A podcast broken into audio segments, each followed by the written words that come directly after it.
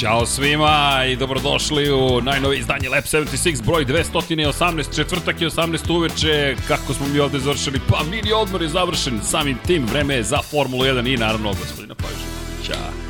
Gde si Pajo? Tvoj mini odmor je završen. Moj mini odmor, tvoj nije ni počeo. Nije ni Kod počeo. tebe nema mini odmora, ili je ili nije. Biće maksi odmor.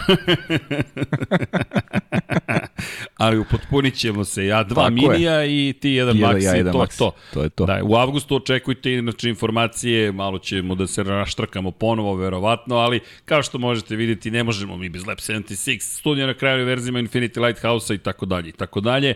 Zašto? Pa, Formula 1 je tu, Moto Grand Prix je tu, NFL je tu, Kosmos je tu, ma ne znam šta nije tu, Waterpolo je tu, košarka i tako dalje. Zabavno je u svakom slučaju. Sport i Sport i rekreacija. Vanja je rekreacija, a i sport. Vanja je ovde ozbiljan jedini. Da. Da. Nadam se da ste dobro, nadam se da ste se vi odmorali, mada vidim da je toplotni talas na sve strane. Pričat ćemo o tome kada je reč o Francuskoj velikoj nagradi Francuski koju ćemo najavljivati večeras. Večeras je, večeras, danas, ne znam ni ja, u studiju uvek isto, isto, isto vreme. Lepo, prijatno klima radi. Tu je gospodin Don Pablo, tu je, tu je, tu je koleginica iz prodaje, tu je Vanja, imate posebne pozdrave. Don Pablo, šta, šta se dešavalo ovih meseci? Ne razumem, bojkot neki pao. Dobro, dobro, samo se vi smejte. Minus, minus, Misliš da, da ovo u redu ponašanje? Ja mislim da je krajnje neprimereno, ali dobro, kad je najteže neprihvatljivo. Razmotrit ćemo to na, na kolegijumu. na, na, sastanku upravnog odbora. Da, da, vidjet ćemo da li ćete ikada imati odmor da, Da, da.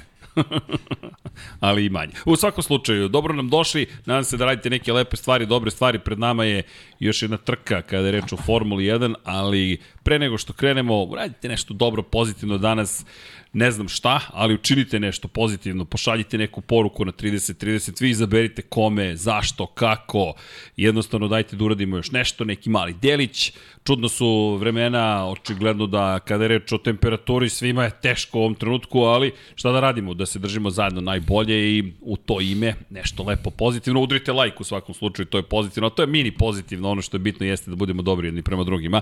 I naravno kada je reč o nekim informacijama bitnim, Dosta pitanja smo dobili na konto Grand Prix Gajda. Ja moram da vam kažem da je rasprodato ono što smo mi mogli da uvezemo, je rasprodato, nije ih bilo mnogo, stiže još 12 primjeraka, bukvalno ne šalim se, toliko smo našli u skladištu kod gospodina Žaka Dešanoa. Za one koji eventualno ne znaju, vodič kroz Formulu 1 sve trke održane od početka šampionata sveta 1950. godine u Silverstonu do prošlogodišnje velike nagrade Abu Dhabija zajedno sa statistikom svih vozača, trka, nacija, proizvođača motora, timova i tako dalje i tako dalje.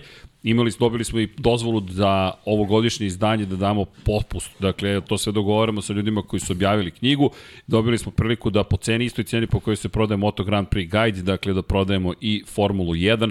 Mi se nadamo da će biti izdanje i sledeće godine i već smo se prijavili da budemo prvi u redu da kupimo još više knjiga s obzirom na činjenicu da mnogi od vas zanima ova knjiga, mi kao novinari smo je godinama dobijali kao neku vrstu Biblije, Formula 1, pre interneta pogotovo je bila važna, sada je nekako postala deo, pa ja rekao bih, kulture. Mi volimo da bude na polici, onako izvadiš i kažeš čekaj da vidim šta se dešavalo 1968. Simpatično je u najmanju ruku, ali iz naše perspektive mislimo da je vredno, tako da znate to je informacija apropo knjige i Biće ih još, već ih je poslao gospodin Dešano, stižu iz Švajcarske, pa dok se ocarini špedicija obavi svoj deo posla, čim bude dostupno tih 12 knjiga, ne zamerite, ne, ne možemo da nabavimo više. Bukvalno smo kupili poslednje primjerke koji postoje za ovu sezonu, biće na raspolaganju shop.infinitylighthouse.com, a ima tu drugih knjiga, imate Kimi Rekonena, Ayrtona Senu, Mihaela Šumahira, Valentina Rossi i tako dalje i tako dalje i mogu da vam kažem da stižu još neke knjige, ali koje tačno naslove, to tek kada budemo 100% sigurni da je sve spremno za njihovu štampu. I naravno gospodin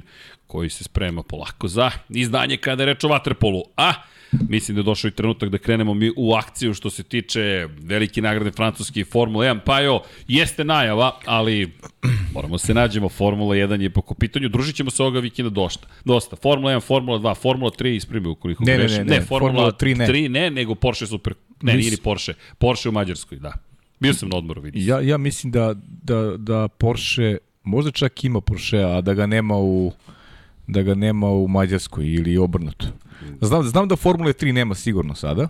Porsche Super Cup, meni nešto Mogu, ajde, da proverim. stoji u glavi, da ali proverim. ajde da ne bude da, ne bude grešimo, da, smo- se zagrejemo na pravi način. Porsche Super Cup, kalendar događanja, kaže sledeće Porsche Super Cup, Družimo se u Francuskoj, ipak mi je glava makar Da. nešto zapamtila. I onda posle Belgija, Zandvoort i Monca za kraj. Tako u da, Mađarskoj, u Mađarskoj će biti Formula 3. A i ovoga vikenda se družimo. Inače, za one koji prate Formula 1 na sport klubu, da vam napomenemo, na sport klubu jedan smo od ovoga vikenda, tako da znate. Čisto eto informacija. o- o- ovoga ovo vikenda, vikenda smo da će biti jedan, ponovo, da, nemamo tako pojma, ali da znate, ovoga vikenda smo tu. Imaćemo jednu studijsku emisiju, pa možete još malo da nas ovaj gledate. Tako. Tako, nismo Sedećemo dosadili. u drugom Ako ambijentu. nismo dosadili, da. A i ako jesmo, udrite like. Tako je. Eto, nagradite nas za dosadu, ali da, zabavno je, u svakom slučaju činjenice smo na polovini sezoni. 11 trka je iza nas, dakle, tačno sečemo. 11 tek dolazi, uključujući i ove dve koje su u rasponu 10 dana. Danas je četvrtak, to je uvek neko drugačije čudno kada je Formula 1 u pitanju, već smo dobili prve informacije iz Francuske. L. Castellet, čuvena staza Paul Ricard i, i ulazimo u drugi deo sezone. I naslov je, rekao bih s pravom, Ferrarijev juriš. E sad, u jurišu Ferrari, da li će biti ujedinjen, razjedinjen, vidjet ćemo. I Red Bull, e da, za malo da zaborim, Red Bull. Ljudi, hvala. Ne znam šta drugo da kažem. Aco, posebno hvala. Ovo je poklon koji nam je stigao u studiju na kraju univerzuma iz Beča od našeg dragog Ace. Aca Novković, Aca Novković, da. da, da napomenemo je poklonio, čovjek je na proputovanju bio i ka, nadam se da je uživa negde u Grčkoj na letovanju ili se vraćao, ne znam, da, vraćao se s letovanja, svratio je, doneo nam je i hvala. Još smo bogati za jedan bolid, inače zanimljivo, RB14 je u pitanju, Ako niste pogledali specijal, RB14 smo prezentovali u studiju na kraju univerzuma u aprilu ove godine, bio je u sklopu promocije Red Bull Show rana koji se približava, još ulaznice VIP nisu na prodaju, ali čim ih bude bilo, mi ćemo vam preneti informaciju kao ambasadori događaja, a ono što je bitno da napomenu u cijeloj priči, ovo je Ricardo bolid, Daniel Ricardo iz Australije, verzija. I ne znam šta da kažem, nemamo reči, ali činjenice da smo dobili još jedan prelep poklon, tako da eto, tu je Red Bull, eno ga, Ferrari, takođe poklon, hvala. Ovde je još jedan Ferrari, ovde je jedna Honda bar, tako da skuplja se polako ali sigurno Ergela ovde. Ima dosta konjskih snaga. I ovo još da sklopimo, imat ćemo Benetton, ovo, ovo, će, ovo ćemo za zimu da ostavimo, ili za onaj čuveni podcast. Treba će na veći sto. Mada, znaš šta je problem? Jedan kolega iz Abu Dhabi je prošlog decembra 45 sati radio podcast. I sad moramo 46 sati da radimo. To nije bio plan. Ali dobro. I dovoljna je jedna osoba da bude non stop tu, tako da znaš. I imaš pravo na svakih 60 minuta, 5 minuta odmora koje možeš da akumuliraš. Što znači, Tamo naspavaš se pet minuta. Kvalitetnog sna. I to je to. I onda to je to. To znači 10 sati pričamo, 50 minuta spavamo. To je lagano. To, to nije fair. Nema spavanja. Šta spavanje 48 časova? Vanja, ti možeš da spavaš, ne brini. Upališ četvorku samo i ideš da spavaš. Samo ispred kamere bitno ko će biti i tako da znate... Ali ćemo ti pitati posle šta si čuo. ispitivanje posle da. Ide. E da, u toku nam je i kviz. Ljudi, ko nije, ajde ubacit ćemo kviz u link, ispratite kviz Valentino Rossi, ja čak mislim da možete da ga pronađete i na Google, već da ga indeksira u Google. Dakle, Valentino Rossi Lab 76 kviz. Šta je pojenta kviza? Da nađemo one koji najbolje znaju, poznaju karijeru Valentino Rosija. Osam vas će, ukoliko ste učestvovali, doći u studio 4. avgusta i ovde se sukobiti za kacigu koju je potpisao dr. Valentino Rossi lično.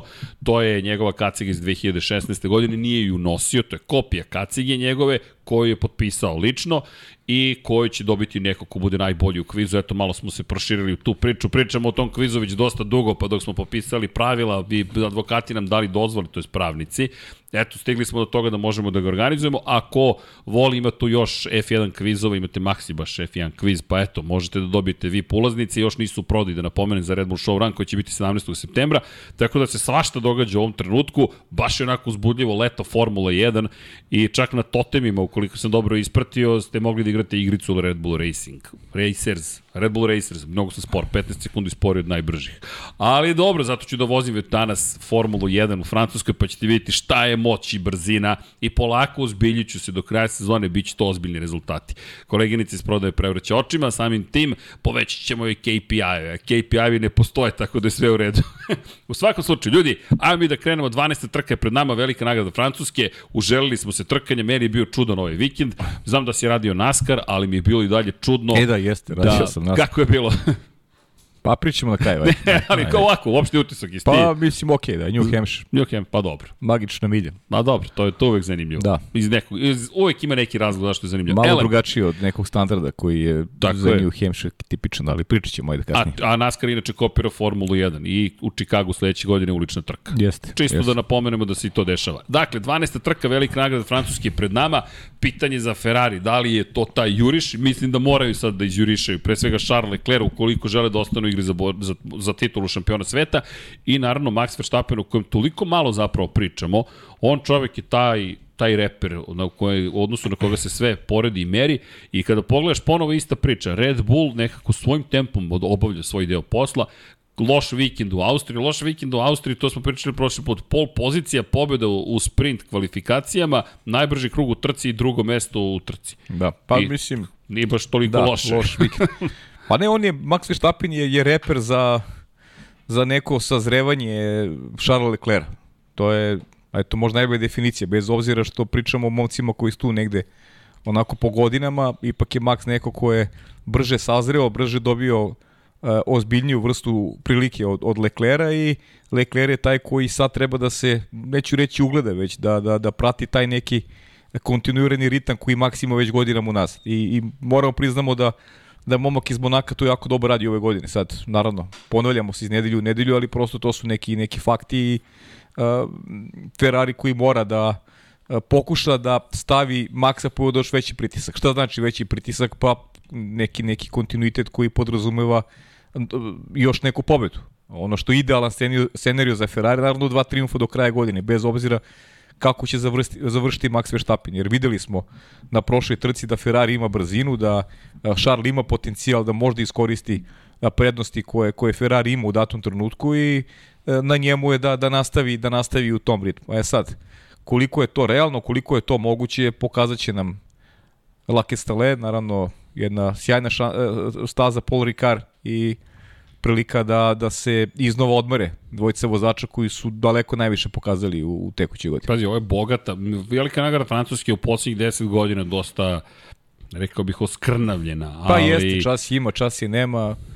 Ni 2020. nije našla mesto u kalendaru, pa se onda vratila, stalno se nešto vraća a, a to je u, u jedno... kalendar. I, a, I pitanje je da li ćemo je imati u nekom narodnom periodu. I to je, navodno se pregovara, radi se na tome da, da da Francusko ostane u kalendaru, ali s obzirom da imamo praktično 30 kandidata za jednu sezonu, manje više, ti treba da napraviš kalendar, neki sklad, da nađeš 23 mesta koje će e, dobiti priliku da u toku sezone ugoste vozače Formule 1, čak možda 24. I onda neke staze, neke staze vise, žargonski rečeno, a Francuska je Francuska je ta koja nema zasigurno mesto u narodnoj godini. A pazi, to je, ovo je 90. izdanje velike nagrade Francuske. Mi se vraćamo do perioda kada nije postojala Formula 1, kada su se to zvale trke za veliku nagradu, Grand Prix, bukvalno, koji je 1906. prvi put održan zapravo i mi pričamo o istoriji. Le Mans je bio poprište prve, yes. prvog duela na velikoj nagradi Francuske. Mnogo staza smo imali u tokom njene istorije. Ovo je 90. izdanje. I postavlja se pitanje da li ćemo mi tu trku uopšte imati. Da, da, manji kur bio je Le Mans, bilo je svašta tu nešto bilo kroz, kroz istoriju zabavne trke, pa Francuska je, Francuska je zemlja koja neko ide uz Formulu 1 i pa. istorijski i po stazama i po vozačima koji su automobilizam koji su je dakle krenuo pa, praktično. To, to, je, to, je, to je manje više, ali kažem, to je ono što smo pričali u prošlom podcastu, kako se stvari menjaju od dolaska Liberty Medije i kako je ta neka ekonomska slika se promenila. Ono što si ti često govorio, koliko je i Netflix imao uticaja da da postane Formula 1 globalni sport, zahvaljujući serijalu koji prave i 24 e, milijarde prihoda jasno govori o tome da oni dobro barataju ciframa. E sad, što se to ne poklapa nama negde koji gledamo malo više taj, taj, tu neku tradiciju i istorijski segment priče i što volimo staze kao što je staza kao što je Paul Ricard, to su sad već neke druge stvari, ali je, znaš u šta se uzdam? Uzdam se u Stefano Dominikali. Jer ipak on dolazi, on dolazi iz neke te, da kažem, e, tradicionalne zemlje takođe, koja, koja neguje sport na taj način. I uh, možda će Stefano Dominikali biti uh, čovek koji će doprineti da taj balans bude bude onako dobro uspostavljen. U, kada govorimo o, o tim istorijskim stazama i zemljama koje trebaju da nađu mesto u karavanu Formula 1 nasuprot ovima koji su dobili staze, ne znam, u pustinjama gde se malte nikad ni da ne budem sad onako previše grub, ne želim da budem grub jer to mi nije ni ideja, nego prosto uh, kolo sreće se okreće, zemlja, Ali... zemlja, zemlja napreduje u svakom pogledu, kad mislim na kompletnu zemaljsku kuglu i treba dati šansu i nekim uh, zemljama koji nisu imali priliku da gledaju tako, takav spektakl, ali moramo istorijski segment da imamo uh, ovaj, negde u, u, u glavi kada, kada kreiramo nešto se zove kalendar. Pazi, ovo krenulo još od Bernie Ecclestona. Bernie Eccleston je prvi ukinuo praktično Formulu 1 u Francuskoj i rekao, ok, nećete da platite, ne možete da dobijete ništa povoljnije zato što ste istorijska trka. Monako je jedan od redkih izuzetaka u toj priči. Po jednom momentu čak i Spa ispala, pričat ćemo još o Spa o tome da li će biti ili neće, još uvek ne znamo. I dalje tu svi, sve su naznaki da je neće biti, ali takođe mislim da i Liberty pipava puls i da razmišlja o tome, ok, da li će biti preskupo ili ne. Moje mišljenje je da, da je opet neće biti za jednu sezonu i da ćemo onda videti na osnovu reakcije zapravo da li će se nešto promeniti ili ne. Ima tu dve stvari, šta se desilo sa Netflixom, samo ovo je digresija sad ozbiljna, ali nema veze, to je Lab pa do, 76. Veze, naravno. Pričamo, mi ovde uživamo u priči o Formuli 1, pa ovo je deo priče o Formuli 1, a to je zapravo da je Liberty vratila Francusku, međutim ja iskreno koliko god da je Netflix doneo uspeha i podigao svest, pogotovo sa američkim državama Formula 1, mislim da je iznenadio Liberty Mediju takođe. Ne kažem da nije to želela i da joj se ne dopada to što se desilo, ali mislim da ju je iznenadio, jer mislim da niko nije očekivao takav probaj, pogotovo u SAD, i rasprodate ulaznice. Ako se vratimo samo par godina unazad, je se ugasio Sony. Jeste, dobro, upalit ćemo Sony, pa i ponovo Vanja vodi računa o tome i sad pogledao je značajno ka televizoru, ali u čemu je pojenta? Pojenta je u tome da Liberty je vratila Francusku, desio se Netflix, desio se takav Netflix da je sada Formula 1 u boljem stanju nego što je bilo pre nego što je praktično prodate Liberty mediji i na samoj stazi. Elem, Francuska, da se vratimo tu 90. izdanje, I za ono što je zanimljivo, prošle godine jedna od najvažnijih trka za Maxa Verstappena. Tada je pretekao i Valterija Bottas u Mercedesu u trci i Luisa Hamiltona za pobedu u samoj trci. Yes, da. I moment kada smo, ja mislim, svi bili šokirani, znaš gde je pravim povlačim paralelu? Kao što sam ja, makar ne znam za tebe, bio šokiran koliko puta je pretekao Charles Leclerc Maxa Verstappena u Austriji. I sad vraćamo se jednu sezonu nazad, gde je zapravo na stazi baš odneo veliku pobedu, bilo je to Francusko. Na stazi na kojoj ti Mercedes deluje kada će da izdominira, strategiju odradio sjajno, na pred kraj same trke Verstappen je treći, ide na stajanje dodatno, ali ima Bottasa ispred sebe, koji znamo koliko je dobro štiti uvek Luisa Hamiltona, Bottas popušta, I ti kažeš, ok, možda Bottas nezadovoljan time što nema ugovor naredne sezona, dolazi do Hamiltona, pretiče Hamiltona takođe mnogo jednostavnije nego što je Iko očekivao. I ti kažeš, ok, ček, makar i meni to bi utisak. Wow. Da, ali to je više bila strateški dobra trka Red Bulla iz, iz neke moje perspektive i moje Mercedes takođe jednu takvu sličnu stratešku pobedu tada je dobro računao Red Bull, što pričaš o Lecleru.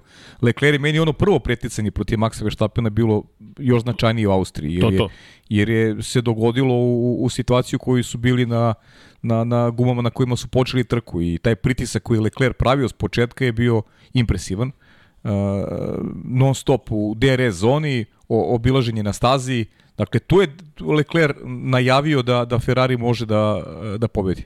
I zaista odvezao perfektu trku, a Ovo je, čini mi se da je bilo onako više strateški, naravno da to samo je Max mogao na taj način da pobedi Luisa Hamiltona prošle godine i niko drugi, ali je i Red Bull mu dao priliku. Dao odličnu šansu da strateški iskoriste neke svoje potencijale koje su imali, tako da I zato jeste ova sezona, sad pričamo o Netflixu, pričamo o stazama, pričamo o prihodima. Mislim da je to sve došlo kao posledica najneverovatnije godine koje smo imali možda u istoriji Odskočna daska za ceo da, sport. Da, to je bukvalno odskočna daska i nismo, nismo komentarisali, slali su poruke Michaela Masija više nema definitivno, ali, ali koliko god uh, bili protivnici onoga što je radio Michael Masi, on je u neku ruku sa svojim odlukama koje su išle u pravcu da e, e, njegove odluke su išle u pravcu da, da šampionat e, bude interesantan. Ja neću reći da on to radio namerno i da je dobio instrukciju nekoga da to, da to tako izgleda, ali, ali generalno se dešavalo konstantno da, da onaj ko ima manjak u poenima, uglavnom je to bio Lewis Hamilton, neko dobije e, po znacima navoda vetar u leđe da šampionat bude interesantniji. I onda dobijemo tu kontroverzu na kraju koje u popuno se krši sa onim što su pravila igre, da ti dobiješ posljednji krug koji rešava pitanje šampiona. Uopšte je ludilo posle toliko trka. I naravno da popularnost sporta i, i u, u tom segmentu tom mora da, da, bude, da bude veći jer gledaš nešto što je istorijska vrednost, nešto što nemaš priliku da možda, možda možda gledaš jednom u životu. E, a zato mi je, izvini sada ovo, pazi sad ovaj moment u Francuskoj, možda preuveličan stvari, ali Ferrari i Charles Leclerc su zvratili udarac. Ozbiljno su zvratili udarac. Mnogo ozbilj... Ja nisam pa ja ne mislim da preveličavaš stvari, jer, jer možemo da očekujemo neki nastavak a, borbe i Ferrari ima a, potencijal da Ferrari samo mora da bude a, konkretniji a, u tom nekom stavu, da, da, da ono što stalno pričamo, Leclerc je taj, I, i eto zato podržite je... ga, ne, neka, neka popuca sve oko njega do kraja godine, ali ga vi podržite, daj mu, dajte mu vetar u leđa da se on osti još sigurniji. Red Bull je to uradio. Red Bull to radi sa Jasno je stavio do znanja. Ovo je naš šampion. Mi ga biramo i tu je kraj priča. I tu to svi znaju. I Sergio Perez to zna kao njegov klubski kolega, ceo tim zna, sponzori znaju, svi znamo. Mediji znaju, svi bukvalno su svesni. Max je vodeći u šampionatu sveta. Loših trka, pa Velika Britanija uz probleme sa bolidom, ali suštinski ih nema. Da. 208 pojena, 38 pojena prednosti. Međutim... Pitan taj bolid, izvini, ta, i ta nadogradnja Red Bulla, taj bolid se pravi prema nekim Verstappenovim nekim, da kažem, kvalitetima i e, primećuješ kako od, od, od nagradnje Red Bulla koliko se muči Čeko Perez. Mnogo se muči, to Mnogo govori. se muči, to, nije, se. to nema veze više sa Čekom iz prvog dela sezone. On se muči, on se evidentnije i, i ima sve veće probleme da da, da, da izvuče savlad, maksimum. Izvuče maksimum iz tog bolida, a Max ne, Max je, Max a, je sve bolji i bolji. A, a Red Bull je taj tim koji svako, na svakoj trci novi deo, novi deo, novi deo, yes. novi deo. Ne ide kao Ferrari koji skupi nekoliko trka, pa sijaset novih dijelova i Verstappen to sve lepo koristi. Baš lepo koristi. Vidjet ćemo Perez kakav će biti u Francuskoj, bit će mi zanimljivo baš to da uporedimo, ali šta hoću da kažem, iz perspektive istorijskih momenta, Ferrari čeka od 2007. šampionsku titulu. I opet ta priča, ujedinjeni ili raznjedini, zato smo i stavili naslov, kao što su ono, ono što, što, što se stalno ti ja pitamo, ujedinjeni ili raznjedini, pri čemu šef Ferrarija Matija Binotto pred Francusku izjavi, mislim da još nije vreme u sezoni da stanemo iza jednog, bilo kog vozača. Aha ok, ko, ja, ja i dalje ništa ne razumem tog čoveka iz te perspektive. Just.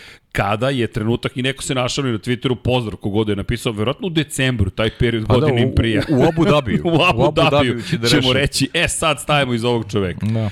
da, jasno nam je, Santander, Carlos Sainz stariji, generalno španski lobi, jak je za Carlos Sainz, ali ti si šef Ferrarija, tvoj posao je da odeš i da kažeš, ljudi, pola sezone, pri čemu posle otkazivanja motora u Austriji, pitanje je, Carlos Sainz još nije dao odgovor da li će dobiti novi motor. Bravo, to smo pričali ovom posle trke, da to je, to je veliko pitanje da li, da li Carlosa Sainz čeka neka kazna i opet neke pozicije na startu koje neće biti koje ga neće favorizovati u, u nedeljnoj trci. Znaš šta mi to govori? Možda je Binotto igra ovako igra situaciju. I onako znam da će Sainz dobiti kaznu, jer ćemo mu staviti novi motor, pa mogu da kažem da nije vreme da, pre, da biramo vozača, dobro, jer će da je... biti izabran po sili situacije. On je onako poprilično inteligentno. Da, da, i onda kažeš, ej, nisam ja da. niš nikog izabrao, prosto ali, situacija. Ali veruješ da je to tako? Pa ili... ne verujem, ali eto, nadam Mislim se. Mislim da ono što si rekao s početka, ovaj, Carlos Sainz, Santander i to da, mislim na seniora. Da. E, dobili smo i da kačke da Santander, je tako? Tu je ne, jel, jesam u pravu? O, od Iza Paje, da, da, da, eno ga da, da. Santander, Ferrari. Mada se ne vidi, ovaj važniji kačkice vidi. Ali ovi... Pace je bio politički korektan, donio je bolid Red Bulla i... Ovaj, I kačkit Santander, i kački, pa, da, Ferrari. Da, pa da. E, ali ne znam da li je to Alonsov kačkit ili je to Saincov. Kako god Ferrari u pitanju. Ferrari u pitanju. da, tako da, ne vidi se u kadru, ali nema veze. Vanja, prebaci na mene. Prebaci na mene da ovi stidljivi mogu da nameste. Sad promeni kadar, šalim se naravno. Ali da, dobili smo eto, mnogo poklona, zaista hvala. Eto. Evo ga. McLarenovci, de, gde ste? Evo, mi smo napravili McLaren, treba i njega da sklopimo, pa je u celoj priči, ko će to sve da... Ste igrao si, igrao sa Lego kockicama? Igrao sam. Ča, pa znao sam, samo prikrivaš svoje veštine i talente, dobro. Vidim, pa dobro, Lego specijal za zimu. Jel ti to zvuči okej? Okay? O, zvuči okej, okay, da. Mož, možda, Ali sam možda znaš kako, kako se igramo. Ja sklapam, vi gledate. znaš šta, jadan Do, Deki mi ćemo na, naći ćemo neku, Naći ćemo neki nešto drugi za zabavu. sistem. da, nešto ćemo naći za zabavu Dekija.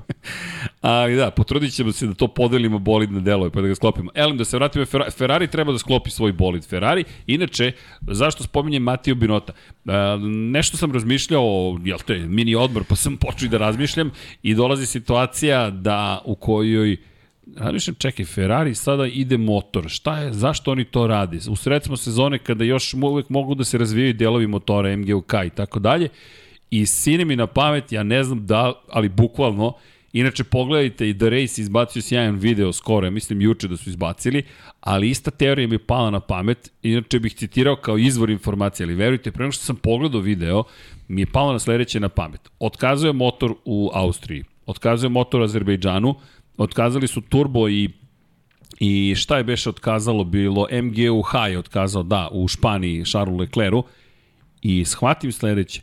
Pa još, šta je jedino što ti nije jedino, ali šta je glavno što možeš da radiš sa motorom u budućnosti? Ti motor koji je nepouzdan i dalje ćeš moći da menjaš i 2022. treće, četvrte, pete. Jer lepo piše u pravilniku, ukoliko se baviš pouzdanošću, bezbednošću, ti imaš pravo da podneseš zahtev za izmenu motora.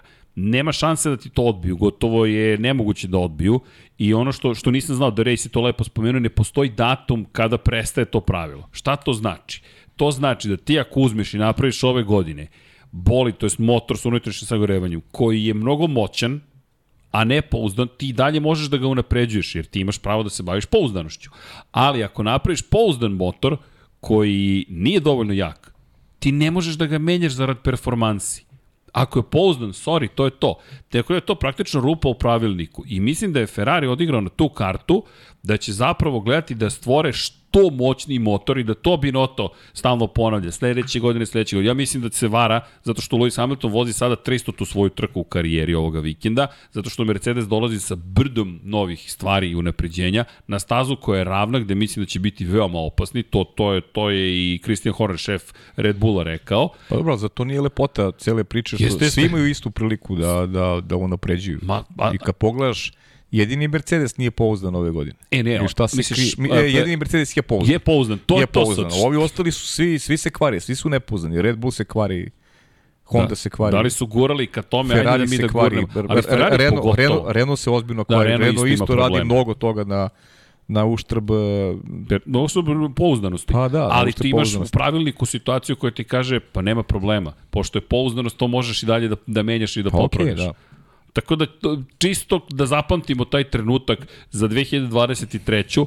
Inače, u 2023. Međunarodna klovarska federacija rekla će promeniti i količinu vremena koja je dozvoljena timovima da rade na bolidu na stazi, kako bi smanjili opterećenje na ljude koji treba verovatno 25 trka da pokriju, pošto su shvatili da postoje ti neki ljudi koji neće izdržati 25 Da, trka. je- jedino ono što, ono što smo pričali vezano za, za Ferrari, ne, ono što mi se dopada, ne može da pričaš o godini u kojoj ima šanse da osvojiš titulu, I Tako ja ću to ja ću sledeće godine, ma, nama je cilj sledeće godine. Koji ti cilj sledeće godine kad si ove godine sjajan? Ma iskoristiš potencijale, jer ko zna šta će biti sledeće godine. Ko zna kako će se drugi prilagoditi, kad kažem drugi, čitaj Mercedes, uh, narednom, narednom šampionatu i to govorimo od početka. Tako da, vidjet ćemo. Zato je ova trka, mi stalno govorimo kako su neke trke kritične, ključne, pa mislim da su ove dve svakako a, kritične za ono što ćemo gledati u nastavku sezoni, jer ukoliko Ferrari uspe da savlada Red Bull, da Leclerc nastavi sa nekim trendom, ne mora pobeđava da bude bolje Max Verstappen u trkama, onda ćemo gledati super zabavan i e, drugi deo sezone. Ukoliko to ne dogodi, mislim da će e, od septembra sezona onako biti jednosmerno, jednosmerno ulica, što se kaže. Ne, znaš kako, me- meni to, apropo Binote, ne znam da li sam to spominjao ovde ili sam negde drugde spominjao, ali me strašno podsjeća na jedan drugi sport. Podsjeća me na NFL i na čuvenu NFC šampiona 2014. godine, kratko samo, Green Bay Packersi koji demoliraju Seattle Seahawks, de facto su završili ceo posao i ako se dobro sećam, ne znam tačno koje godine, i Mike McCarthy koji kaže Ej, polako, mi ćemo ovu utakmicu dobiti zašto? Ako dovoljno puta budemo imali posed lopte, mi sigurno pobeđujemo. Osim što to ne da nije sigurno, nego na kraju ćeš sigurno da izgubiš zapravo. I tipa 19 poena su dozvolili da prime u četvrtoj četvrtini, dođu do produžetaka, touchdown postignu Seattle Seahawks i odu u Super Bowl. Šta je poenta? Poenta je da nije gledao rezultat, nego je brojao koliko puta imaju posled lopte. To je otvoreno priznao posle utakmice. Tako mi Binoto izgleda kao neko ko kaže, ne, ne, ako ispunimo te čuvene key performance indikatore i ovoga puta ovoliko se desi ovoga, mi ćemo ne znam šta da postignemo, a ne gledaš zapravo suštinski rezultat na stazi. To, I sviđa mi se to što si rekao, pa ne, to je suštinski, Čovječ, imaš šansu da osvojiš titul. Oni suštinski ne gledaju to što, što ceo svet vidi, a, a upravo da, da moraš da negde definišeš tu postavku 1 i 2 i da kažeš ok, ljudi, ova godina je takva, aj sledeće godine mi ćemo Carlosu Sainzu da damo veću podršku i to e, može da bude priča e, ukoliko Leclerc ne uspe da uradi ono što što su neki prioritetni ciljevi Ferrarija, to je bitka sa Maxom Verstappenom. Ako čovjek dobije Maxa Verstappena, pa ti imaš jasno definisanu budućnost ti možeš da poništiš sve moguće ugovore, ti si uh, ti ideš ovaj ka nečemu što je uh, možda bude dominacija još još ona i, iz eri Mihajla Šumacher. To ti je san, bukvalno. To je to je nešto čemu treba da da stremiš kao tim. Vidi koliko izvini Max Verstappen drugačiji vozač od kada je osvojio titulu. Pa naravno je drugačiji. Pot, čovjek koji je još opušteniji, koji nema više Pa ne tog samo to, nego nego Max je pokazao zrelost čak i prošle godine kad se borio sa Lewisom Hamiltonom. A ove godine tek se sad vidi njegova zrelost. Nosiš broj 1 i kažeš ja sam mene jurite. Pa da, I on je okrenuo situaciju u svoju korist. Ti, ti vidiš da on, da on čak i u situaciji kad ima pokvaren boli da on izvuče najveću Evo, moguću dobit. Najviše što može. Pa najviše Tako što je. može uradi. U svakoj trci on uradi uh, shodno sa onim uh, čime upravlja od okolnosti u trci, on izvuče maksimum. I ne možeš mu ništa. On, on će uvek da izvuče maksimum. I borba protiv Maxa Verstappena je postala nauka ozbiljna za, za, za konkurente. Kad kaže konkurenti ne misli na Luisa Hamiltona, Luis nema, nema sada ni materijala da se, da se bori, Luis je naravno veliki šampion, ali ovi ostali nisu veliki šampioni. Opet naravno Vettel, Alonso, to je negde vozači čije vreme prolazi, već pričamo o ovim novim snagama, uh, momcima koji sutra treba da budu najveći rivali Maxa Verstappen. Znaš koliko je on prednosti u odnosu na rivale? Mnogo. Mnogo veliko. Baš u ozbiljnoj prednosti. I po broju pobjeda i podršci pa ne, ekipe i još osvojnoj tituli. Pa ne samo to, nego... Ajde, I pobedi nad Lewisom Hamiltonom. Ajde da se postavimo iz, iz, iz percepcije menadžbera, menadžmenta drugih ekipa. Sutra, ukoliko se ukaže prilika, oni naprave dominantan bolid. Pa koga će želeti da imaju u timu da im bude lider tog projekta? Pa pazi, juriš Maksa. Pa juriš Maksa, Ma, ti prvo Lewis juriš Maksa. Hamilton je pred pen, s penzijom. Pa realno. dugo da ostaje, on je pa, već pa, ali srđene, to je realno. On je najuspešniji vozač svih vremena. Jest. Njegova ambicija jedino može da bude da osvoji titulu s Ferrarijem. To je jedino što pa eventualno može. Pa dobro, ambicija da bude da, mu... da, osvoji, da osvoji osmu titulu, to mu je, verujem, to da. najveća da. ambicija, ali, Upravo ali ti kad pričaš o, o, pričaš o nekom menadžmentu, evo sad staviš se u ulogu uh, čoveka koji bi mogao da upravlja nekim timom i da imaš u rukama jedan proizvod koji ti garantuje da svom vozaču možeš da, da omogućiš uh, borbu za titul. Koga bi doveo? E, sad, to je pitanje. Maxa Verstappena ili Charles Leclerc? Pa dobro, ajde. To je ta u, sezona. U, u, e, pa, To je ta sezona. E, pa da bi došli do toga, moramo da završimo ovu to, sezonu tako, tako da Charles do kraja bude konkurentan Maxu Verstappenu. I sad pazi, ako osvoji titulu, to je drugi Charles Leclerc sledeće godine. Potpuno drugačiji. Potpuno drugi Charles Leclerc. Pri čemu, ja ne razumem Binota iz, iz još jedne perspektive. Ja ne znam kako upravnom odboru može to da opravda. Zamisli samo, samo pogledajte oko nas koliko poklona smo mi dobili u bojama Ferrarija. Ferrari, Ferrari, Ferrari, Ferrari, ja ne znam, to je Ferrari je na sve strane. Pa čekaj, možda je ova sezona, bez ove što prošla, bila nezaborna, možda i gledanija od prošle. Možda. Zato što je akter Ferrari. I još uvek je u igri. I, još uvek je u igri. I još uvek igra na polovini sezone. E sad zamisli sledeću situaciju. Charles Leclerc ti donese titulu prvu posle 15 godina i ti staviš broj 1 na Ferrarijev bolid sledeće godine i onda prodaješ bolide, kačkete, majice, dukseve sa brojem 1. Prvi od Kimira i Konena. I govorimo o čoveku koji bi koji menja istoriju Ferrarija zašto toliko spominju Ferrari, inače imamo gore još jednu knjigu Ferrari i još jednu knjigu tamo, tako da Ferrari ih poklona koliko god hoćete, govori vam nešto o Ferrari. Mislim da, da, znaš, Ferrari mislim da nema tu vrstu problema, nisu to sad one 50. 60. Da, da, na znam, kojima je ali samo NASCAR zamisli- počivao ono, ali pobedi u nedelju, prodaju u ponedeljak. Znam, ali- Mislim da Ferrariju to ne treba, ali, ali, ali, ali upravni odbor neki spravo može da kaže, Naravno, čekaj, pa ne, pogotovo možda kaže, jer svi oni isto, vide isto što i mi. Imaju vozača koji pobeđuje aktualnog šampiona. Z zašto nema uh, tu vrstu Pa podrške? zamisli sledeću situaciju. Sledeće godine hiperautomobili Ferrari ulaze na 24 časa Le Mans i dođe ti šampion sveta Formula 1 čisto da se pojavi ako se ne poklapaju datumi. Samo just saying što kažu Amerikanci. Da. Samo kažem. Ali šampionski bolid je ovaj ovde, Red Bullov, i oni moraju da pobede Red Bull, koji dalje izgleda, koji sad izgleda kao Mercedes prethodnih godina. Sigurno na svojoj poziciji broj 1.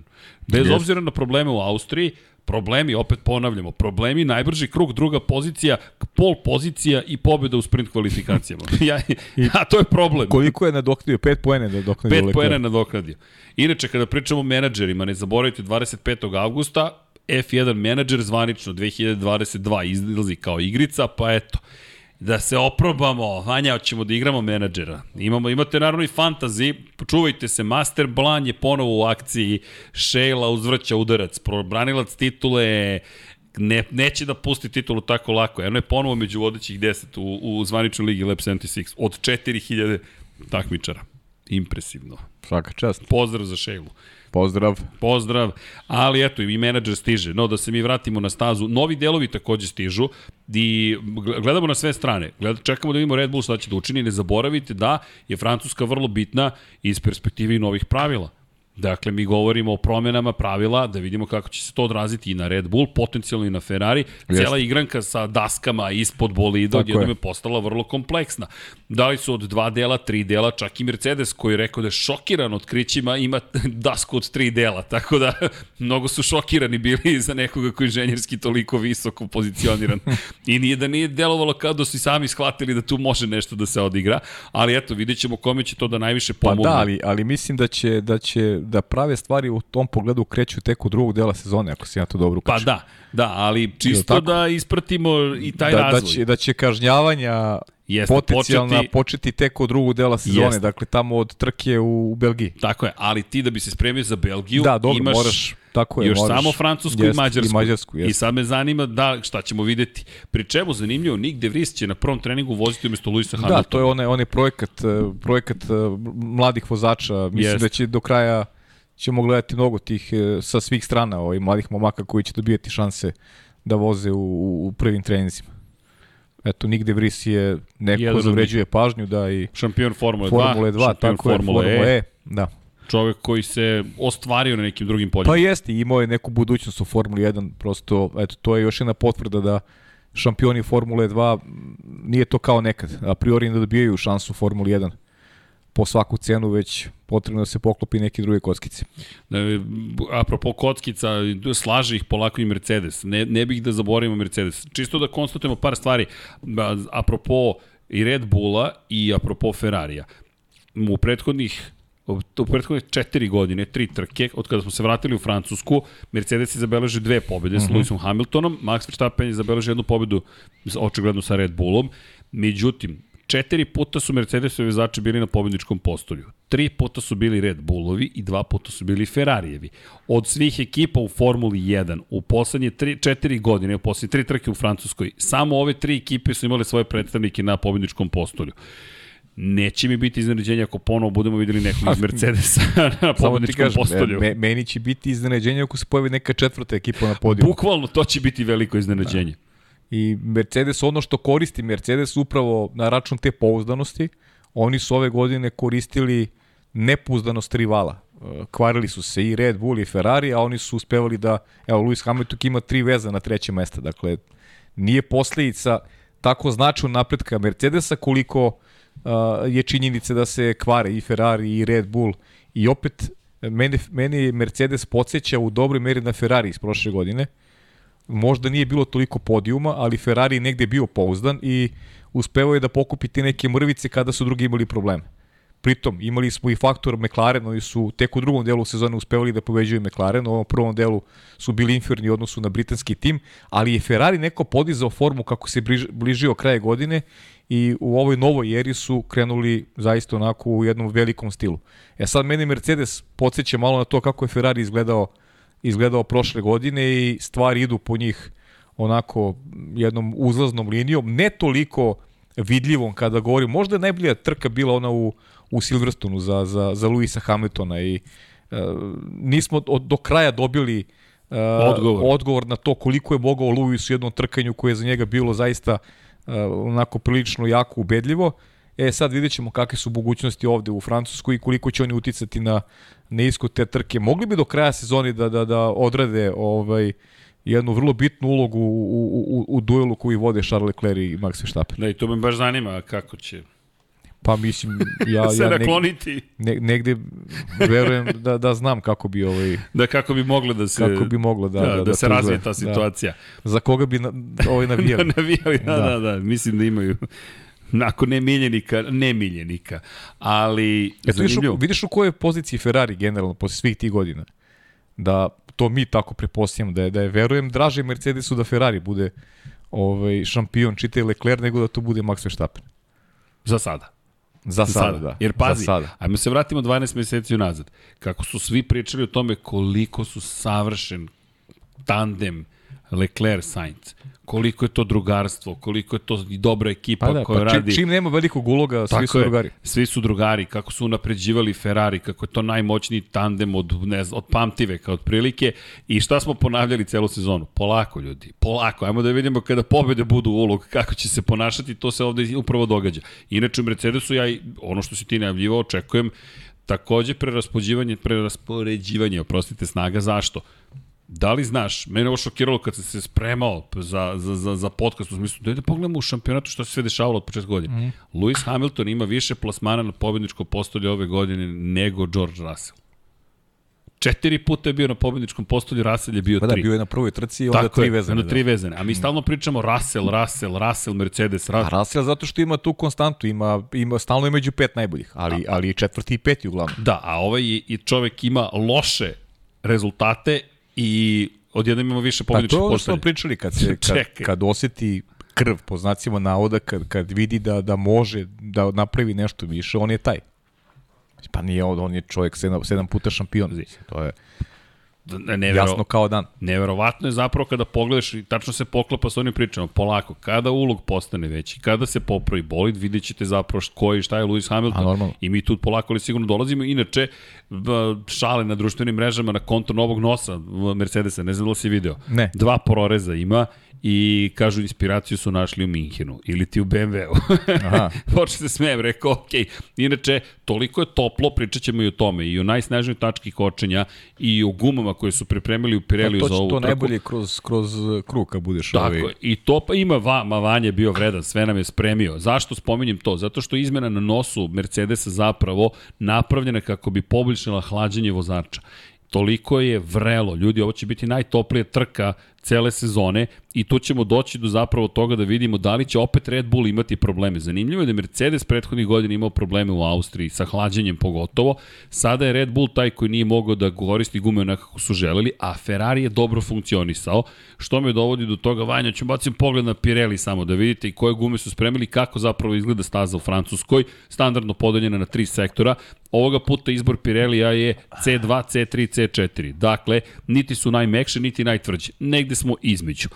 Bele će biti tvrde C2, srednje tvrdoće C3 žute će biti i C4 meke crvene jelte boje će biti korišćene, a ono što su karakteristike staze, dakle prijanjanje je na, od, na, na, na skali od 1 do 5, 4, Što se tiče kočenja, opterećenje je 2 i vidjet ćete malo kasnije, uopšte ne opterećuje previše kočeni sistem.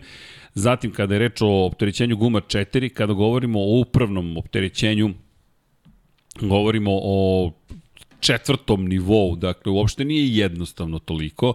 Dakle, govorimo o ozbiljnim opterećenjima, nisu maksimalna, ali su ozbiljna. Kada je reč o ubrzanju staze tokom vikenda, trojka, kada je reč o prijanjanju samog asfalta trojka, abrazivnost asfalta trojka i aerodinamički pritisak, to je negativni uzgon ili ti nizgon, je trojka od jedna skali od 1 do 5. Inače, 53 kruga nas očekuju, staza je dugačka 5842 metra i imat ćemo trku od 309,69. Da, i dve, dve DRS zone, za razliku od, od prethodne trke Austrije, ovog puta dve DRS zone. Jeste, imat ćemo ih na ono što će biti zanimljivo, pogotovo na prilazku krivini broj 8, vidjet ćete i zašto, to je najsnažnija tačka kočenja i ovo je 12. trka sezone, kada budemo bacili, možemo i da bacimo pogled odmah vanja na to, vidjet ćete zapravo zašto ne pričamo previše o kočnicama, iako je ova tačka kočenja i mesto gde je prošle godine Max Verstappen u Red Bullu pretekao Lewisa Hamiltona u Mercedesu važna, 15 krivina, 10 tačaka kočenja, najsnažnija tačka kočenja dosta opterećuje ceo kočeni sistem na skali od 5-4, inače 16 sekundi su ukupno koče, što je 17 od kruga, zaostavni put ukupni je 808 metara, ali generalno ovo je staza koja ne opterećuje previše kočeni sistem Tako i je.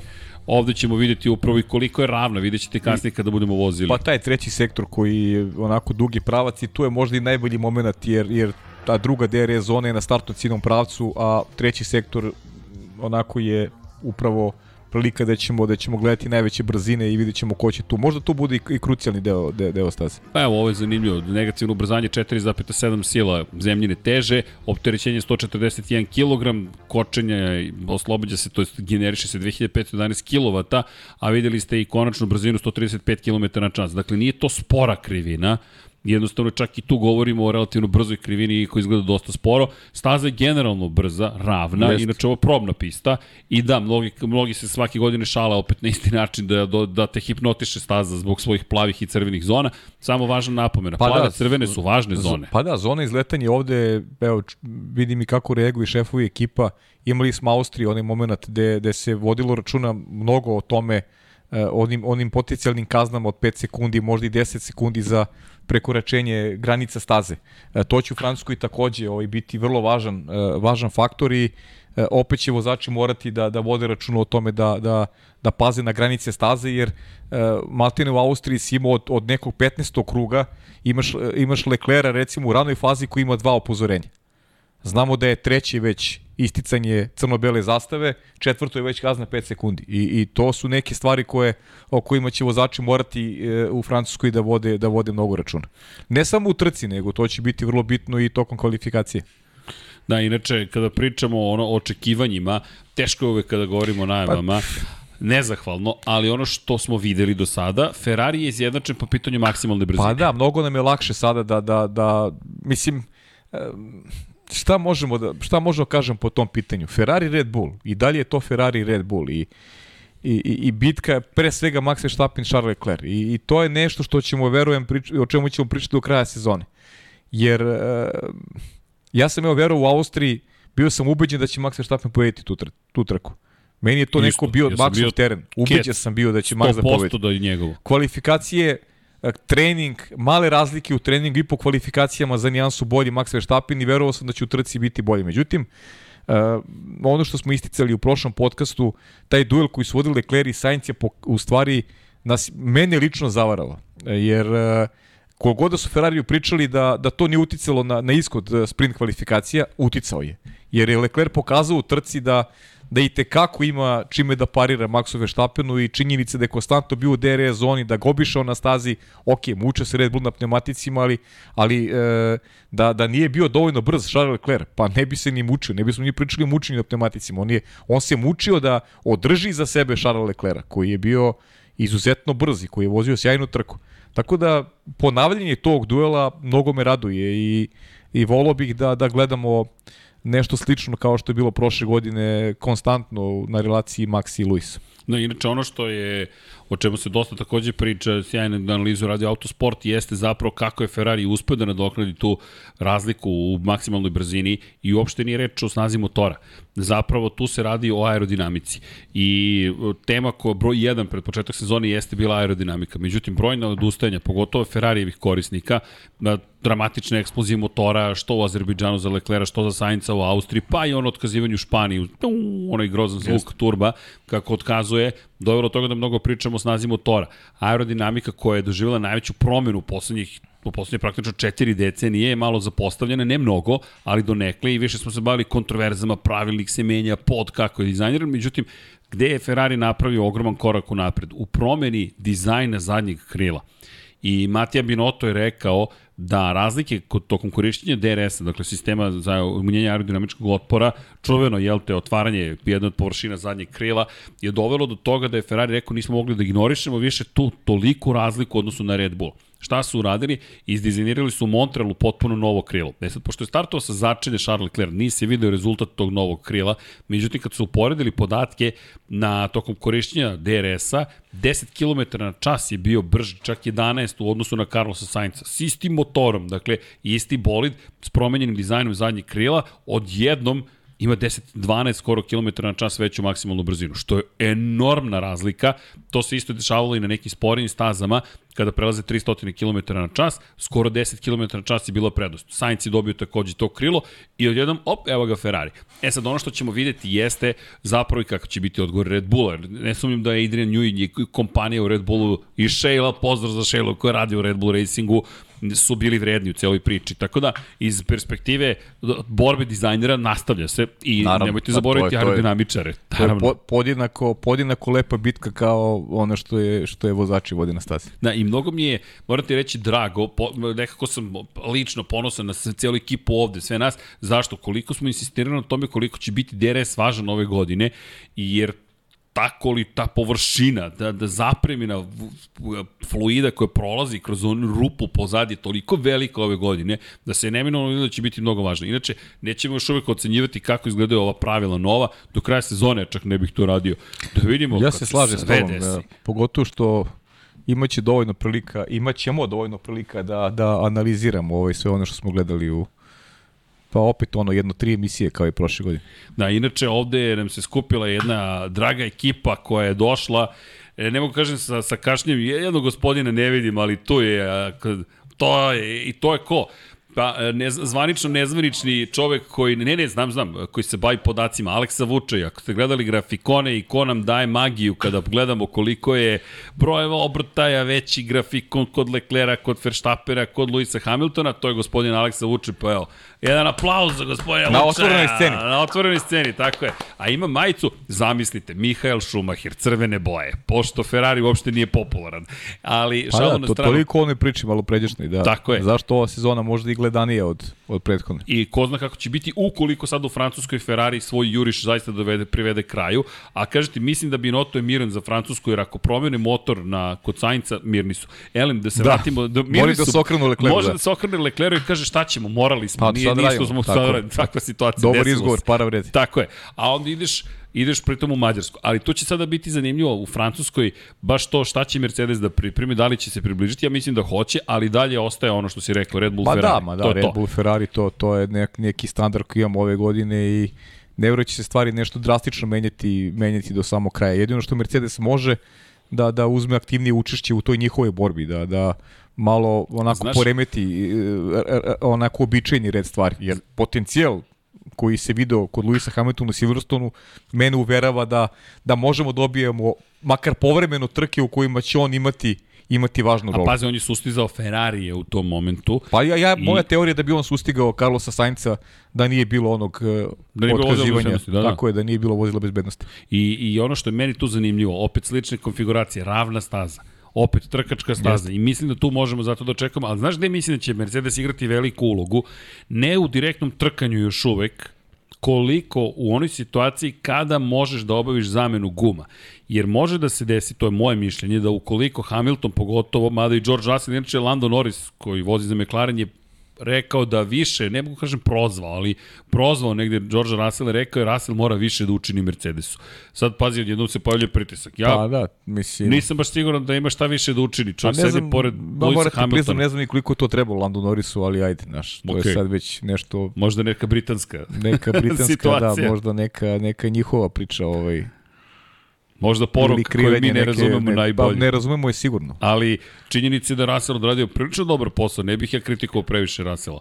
Tu je gde i to je to. Zašto ga spomenjem? E, izvini, uvodim u priču, pošto ako će biti pod nazačanju Sainz, Pereza i Rasela. Ali odmah kaže, to, to još ne znamo. Ne to znamo. su samo pretpostavke. To su pretpostavke da bi moglo da se desi. Da, jer ono otkazivanje motora je bilo toliko ozbiljno. Jest, jest. U početku smo mislili da možda turbo otkazao, ne, ne, ne, nije. Definitivno su jest, leteli jest. delovi i otkazao je motor. Ono što je bitno u celoj priči, gde dolaze sada Perez, pa naravno dolazi Sainz, ali kažem, ako Sainz bude pozadi, dosta je Perez kao igrač broj 2 igrač, bukvalno zvanični vozač broj 2 I tu Mercedes mi je zanimljiv, jer ako se Charles Leclerc i Max Verstappen borbe za prvu, drugu poziciju i sad imaš Pereza na poziciji, na primjer, 3, dolazi ili Russell ili Hamilton kao četvrti pa na to ono što, što smo pričali od početka podcasta sa unapređenjima, sa novim delovima, e, Perez se mnogo muči, odnosno kako je, kako je Red Bull počeo da uvodi nove delove, e, Perez jako teško vlada situacijom i on to, kao što si rekao, i priznaje, da, da mu je mnogo teško da, da, da to nema više osjećaj ima od početka godine. E, e, bolid koji se pravi na onako po, po meri Max Verstappena što je, se, bukvalno. što je popuno legitimno i realno u, u, u situaciji u kojoj je Red Bull, tako da Perez bi mogao da ima probleme čak i u nekom realnom trkanju sa, sa Lewisom Hamiltonom. Is... U, u ovakvoj instalaciji snaga uopšte ne bi iznadilo da Lewis Hamilton pobedi Serhije Pereza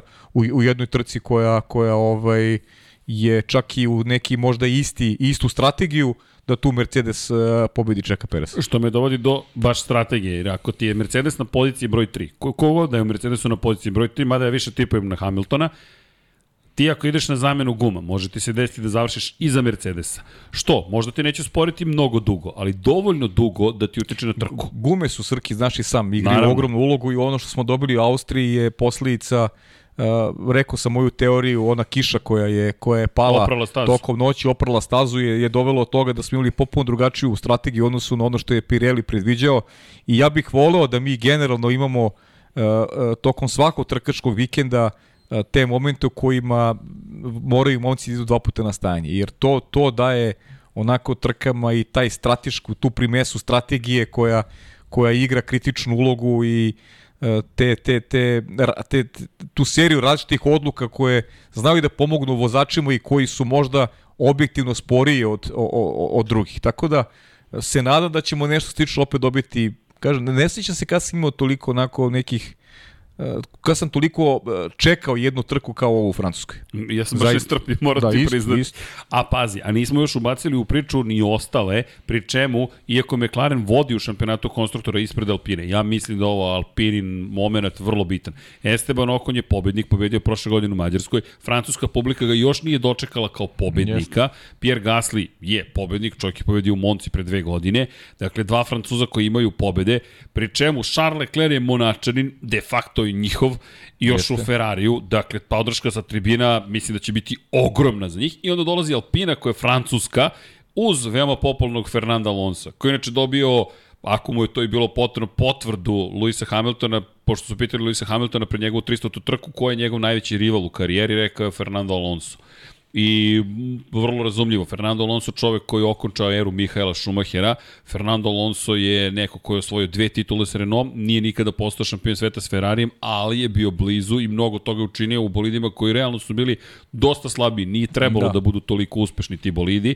I onda dolazi Alonso koji je sad u nekoj trećoj fazi svoje karijere zaista impresivan i još dolazi kao neko ko je miljenik publike u Francusku, pa eto, Alpina mislim da tu može pa, da igra jednu lepu ulogu. Ti znaš da ja imam ono ozbiljno poštovanje kad je Esteban Okon u pitanju i Okon dolazi u Francusku na, na svoju teritoriju posle najboljeg rezultata sezone, bio je Austriji peti, to je njegovo najbolje ostvarenje. Prvi put će voziti pred svojom publikom u situaciji da ima i pobedu u šampionatu. Tako je, tako je. On nikada nije vozio u Francuskoj ovaj, sa, sa sa, sa toliko samopouzdanja i sa toliko, sa toliko pozitivne energije i verujem da će mu to pomoći da, da iskoristi jedan dobar momentum u kome se Alpina nalazi i slaže se s tobom da bi Alpina nakon Francuske mogla da, da, da bude ispred, ispred McLaren. Znaš, idemo u Mađarsku gde su pobedili prošle godine, ok, splet, splet okolnosti, strategija, moćni Alonso koji je održao Hamiltona dugo iza sebe, yes.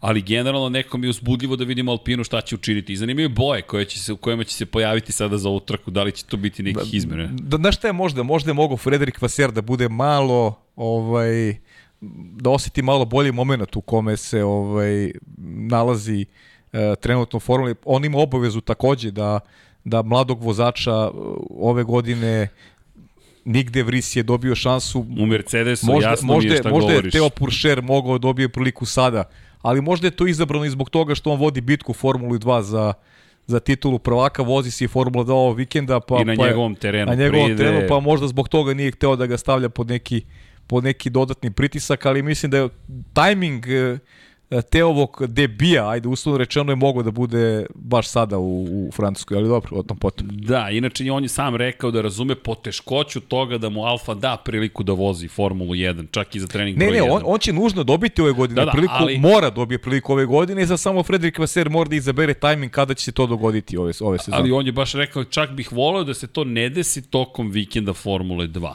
E sad, mislim da, Da. je to nešto što moraš da izgovoriš, ali ako bi negde želeo da debituje ceni da bi to bila Francuska, da se pojaviš pred svojom sigurno publikom. najbolje mesto, ali dobro, vidjet Ali mu je otežan posao, pazi, Teo Puršer trebalo je da bude već viđen praktično u Alfa Romeo, međutim Guanju Joe toliko je dobar ove sezone da uopšte nije jednostavna situacija. Pa, Jer, da. pazi, odradio je sjajan posao Joe. Št- Šta da zamerimo Joe? Ja stvarno ne znam šta bih rekao da, da je Joe Paul Pa dobro, loše ali učinio. možemo postaviti drugačije stvari. Da li bi Teo radio bolji posao? Možemo, Kako da- da, to ne znamo. Znaš, da, to, da, to, to ne je, znamo i zavisi kako, kako se stvari gledaju ovaj, u Alfi i kako će to izgledati. Moram priznati da sam ja baš onako fan Teja Puršera i mislim da ga čeka jedna, jedna mnogo lepa karijera. Da, ja nisam uh, ne fan Teja Puršera, ali mi se dopada šta Pa, Joe mislim, radi. Jer okej, Joe, iznenađenje, pod, pod tolikim pritiskom postići sve to što si postigao, pričam je on istorijska ličnost, prvi kineski vozač koji je dobio punu sezonu u Formuli 1 i što kaže Vaser, ono što smo postavili kao ciljevi, on ispunjava sve ciljeve za sada. Slažem se. Kažem, kad kažem fan u smislu uh, njegove prohodnosti u Formuli 1, mislim da taj momak mora da ima, da ima mesto u Formuli 1. Da, inače može da se doživi sudbinu koju su mnogi doživeli, kao i nigde vris. Ne bi bilo neobično da, Da. da, se to dogodi. ode nekim drugim putem, da, da jednostavno Pa ne evo, nađe se prostor. Oskara Piastri i dalje čekamo da, da dobije neku priliku. A njegovo ime se sve manje spominje. Zašto mislim da je Joe u boljoj poziciji? Kada ti spominju ime, po defaultu i po jednostavno po, po osnovnim podešavanjima u boljoj si poziciji. Mnogo te više javnost vidi, jer to što ti ja znamo za Teja Puršera ili, ili ljubitelji koji prate baš pažljivo i Formulu 2 i Formulu 3, ne znači da šira javnost zna ko je Teo Puršer. Prosto u Formuli 1 ako nisi, pa ko je sad to? Aha, neko novo lice. Ne znam ko je to pričao kada je došao u Formulu 1, koliko mu se život u potpunosti zapravo promenio. Kada je stigao i rekao, ok, ovo je potpuno druga igra. Ali dalje, mislim, on, opet se vraćamo na početak podcasta i onu priču u Francuskoj treba da ostane šampionatu ili ne. Mislim da će Teo pomoći upravo ta činjenica da uh, da dolazi iz te francuske škole i taj istorijski značaj koji generalno a, francuska škola ima vezano za, za automoto sport, tako da njegova prohodnost je ovaj, u tom Veća smislu svakako. mnogo veća nego što je nego što je to slučaj sa Gvanju Joe. Mislim da je Gvanju iskoristio šansu, ali popunio neki vakum koji je koji je ovaj nastao i, i naravno da mu želimo sve najbolje sad kako, kako će biti budućnost a, Joe-ova s obzirom da pričamo o plejadi momaka koji prete, koji su u Formuli 2 i Formuli 3, neki koji su ni na nebu ni na zemlji poput Oskara Pjastrija. Ono što je činjenica, ne treba brinuti za budućnost Formule 1, stvarno imamo plejadu sjajnih momaka koji će popuniti taj vakum kada siđu sa scene ovi, ovi velikani koje smo pratili 15-20 godina unazad. Da, inače, a da se vratimo i na Alpinu, kada govorimo o Francuzima i Francuskoj, jednostavno ekipi, jedini tim koji koristi Renaultove motore, jedini pravi predstavnik Francuske u Tako Formuli je. 1 na tom nivou i kada pogledamo, važan vikend. Ja jedno čekam da vidim i jednog i drugog zapravo. Alonso, priča se da Alonso još uvek nije, opet je ponovio Otmer Schaffnauer, čovek koji vodi zapravo ekipu Alpine, kako će on sigurno naći Oskaru Pjastriju mesto naredne godine u Formuli 1. Ja sam i dalje zbunjen gde, ali okej. Negde to implicira da to zna, da neće biti Fernanda Alonsa, iako je Alonso već se oglasio i rekao Alpini da je vreme već sada da počne da razmišlja o bolidu za 2023. Bez obzira na uspehe koje trenutno ostvaruje, da, da ambicija mora biti veća od toga. Da nije dovoljno biti četvrti u šampionatu konstruktora, već boriti se za titulu. Ali to je naravno Znaš kako ja, šampiona. kako ja vidim ovaj, uh, ulogu Fernanda Alonsa? Mislim da je čak da je čak negde ili u ravni ili možda i, i, i, i jača u odnosu na Mihaela Schumachera u Mercedesu. Poredim, ne kažem da će, Jasno, da, ne kažem da će Alpina biti e, dominantni faktor u Formuli 1, ali, ali uloga Fernanda Alonso je ravno onoj koji imao Mihael Schumacher, ono eri kada je sa Niko Rosbergom delio garažu Mercedesa i onda znamo šta se dogodilo, na njegovo mesto je došao e, Lewis Hamilton i sve ostalo je sve ostalo istorija. Mislim da još nije vreme za nešto takvo. Kažem, uopšte ne slutim da će Alpina biti uh, dominantni faktor, ali da će biti bolji, u to sam siguran i o tome pričamo već neko vreme unazad, da će Fernanda Alonso zameniti neko ko, ko će imati ozbiljan značaj za neku budućnost ovog sporta. No, vidi, u, u, to... U, to sam, u to sam gotovo siguran da će tu Fernando dostavi da jedno, jedno nasledđe koje će, koje, o kojoj ćemo dugo, ovaj, kome ćemo dugo pričati.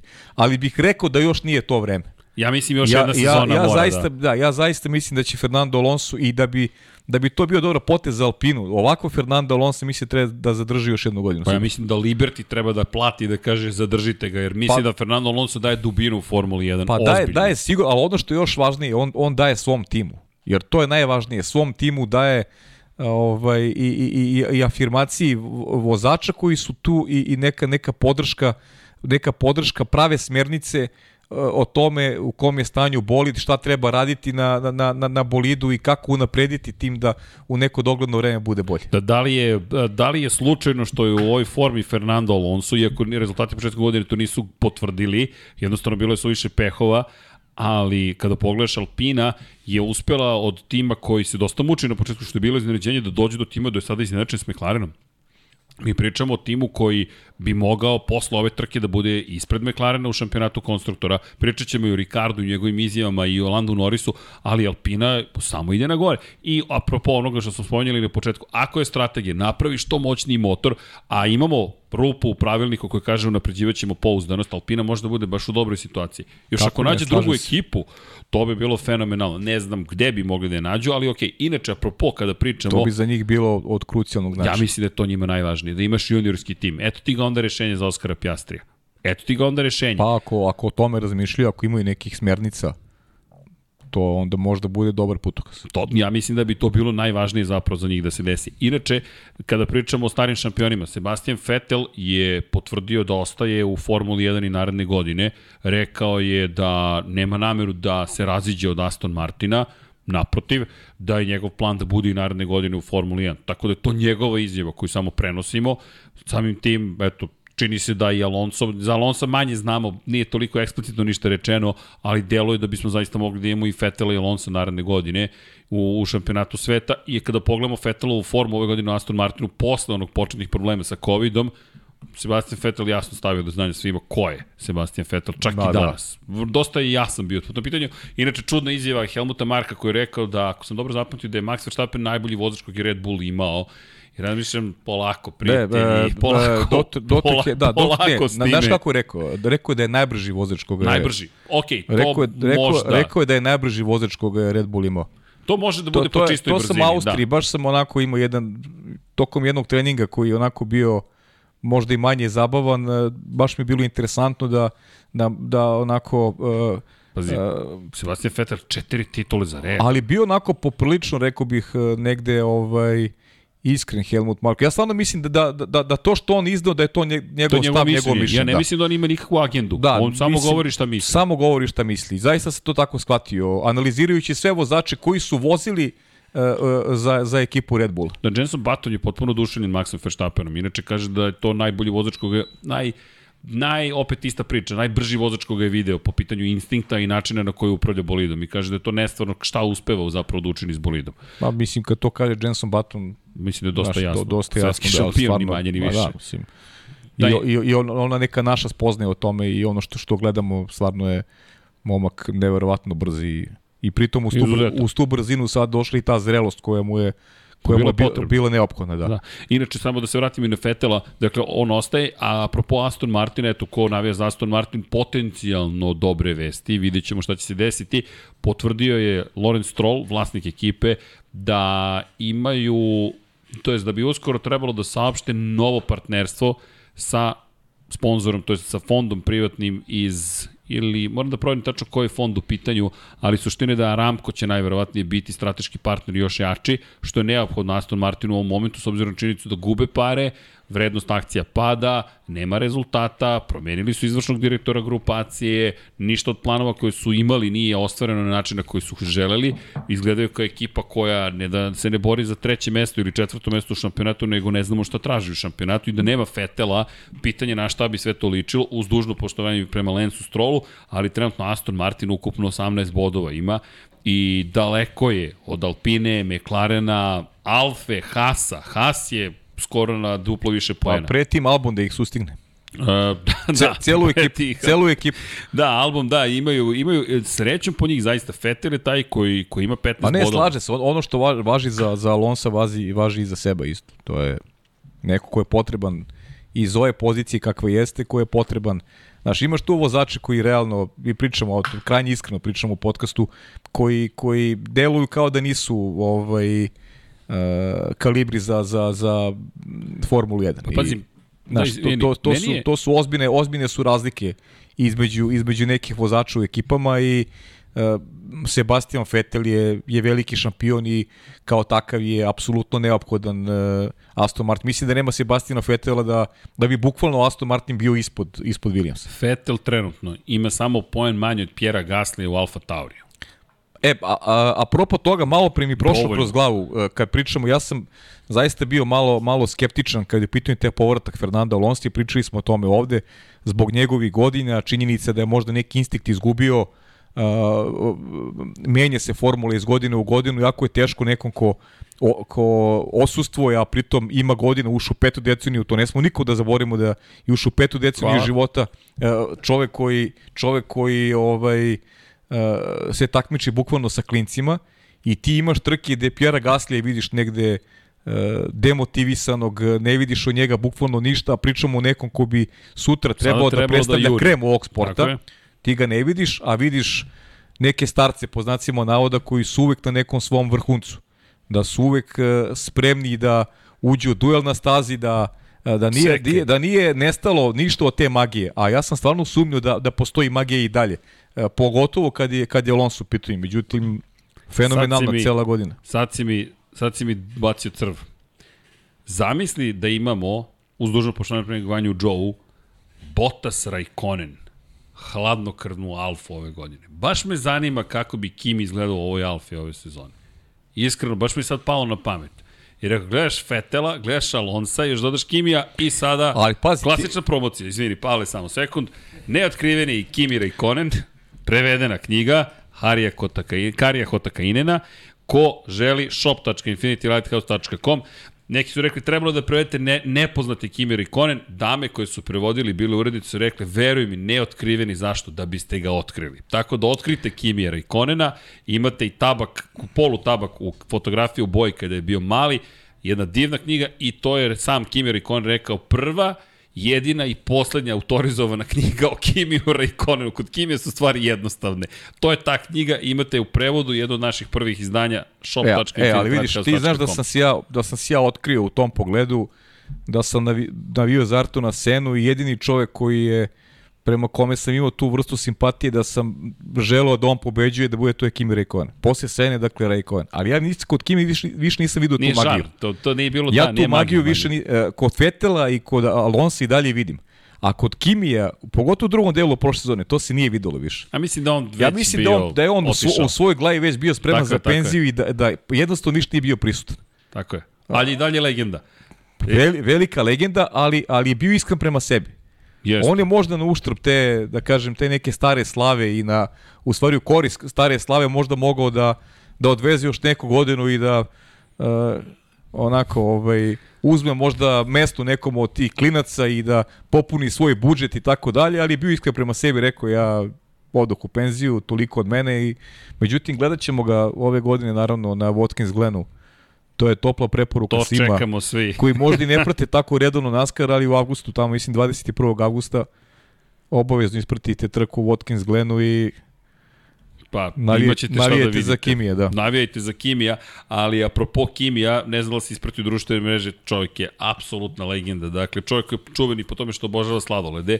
U šetnji, ne znam tačno kojim gradom sa čerkicom, izbacio sladoled, sipo vodu i gurno psu na hra, koji je bio žedan zaključan u kolima. U kole, da, da, da I, I još mu dobacuju Kimi, Kimi, Kimi A šta da radiš? Vidio sam. Moraš vidio budeš to, da. čovek, tako da, Kimiro i Konen, dame i gospodo, ali čisto bih, da, upravo si 100%, nije, nema, nije bilo više te strasti, ali bi eto bilo simpatično. No, Valtteri Bottas u svakom slučaju obavljaju svoj deo posla tamo više nego pošteno. Ma da, Valtieri odrađuje sjajan posao za ekipu. Da, I to, moram to priznati da, da, da, ok, vratit ćemo se na Alfu, samo da, samo da ne pobegne, apropo, do cijele ove priče, zadržao bih se na trenutak na Pieru Gasliju, zašto? Zato što je Francuz. Zato što nekako smo, kao, samo smo ga preskočili, što mislim da dovoljno govori o tome o kakvoj poziciji trenutno se nalazi.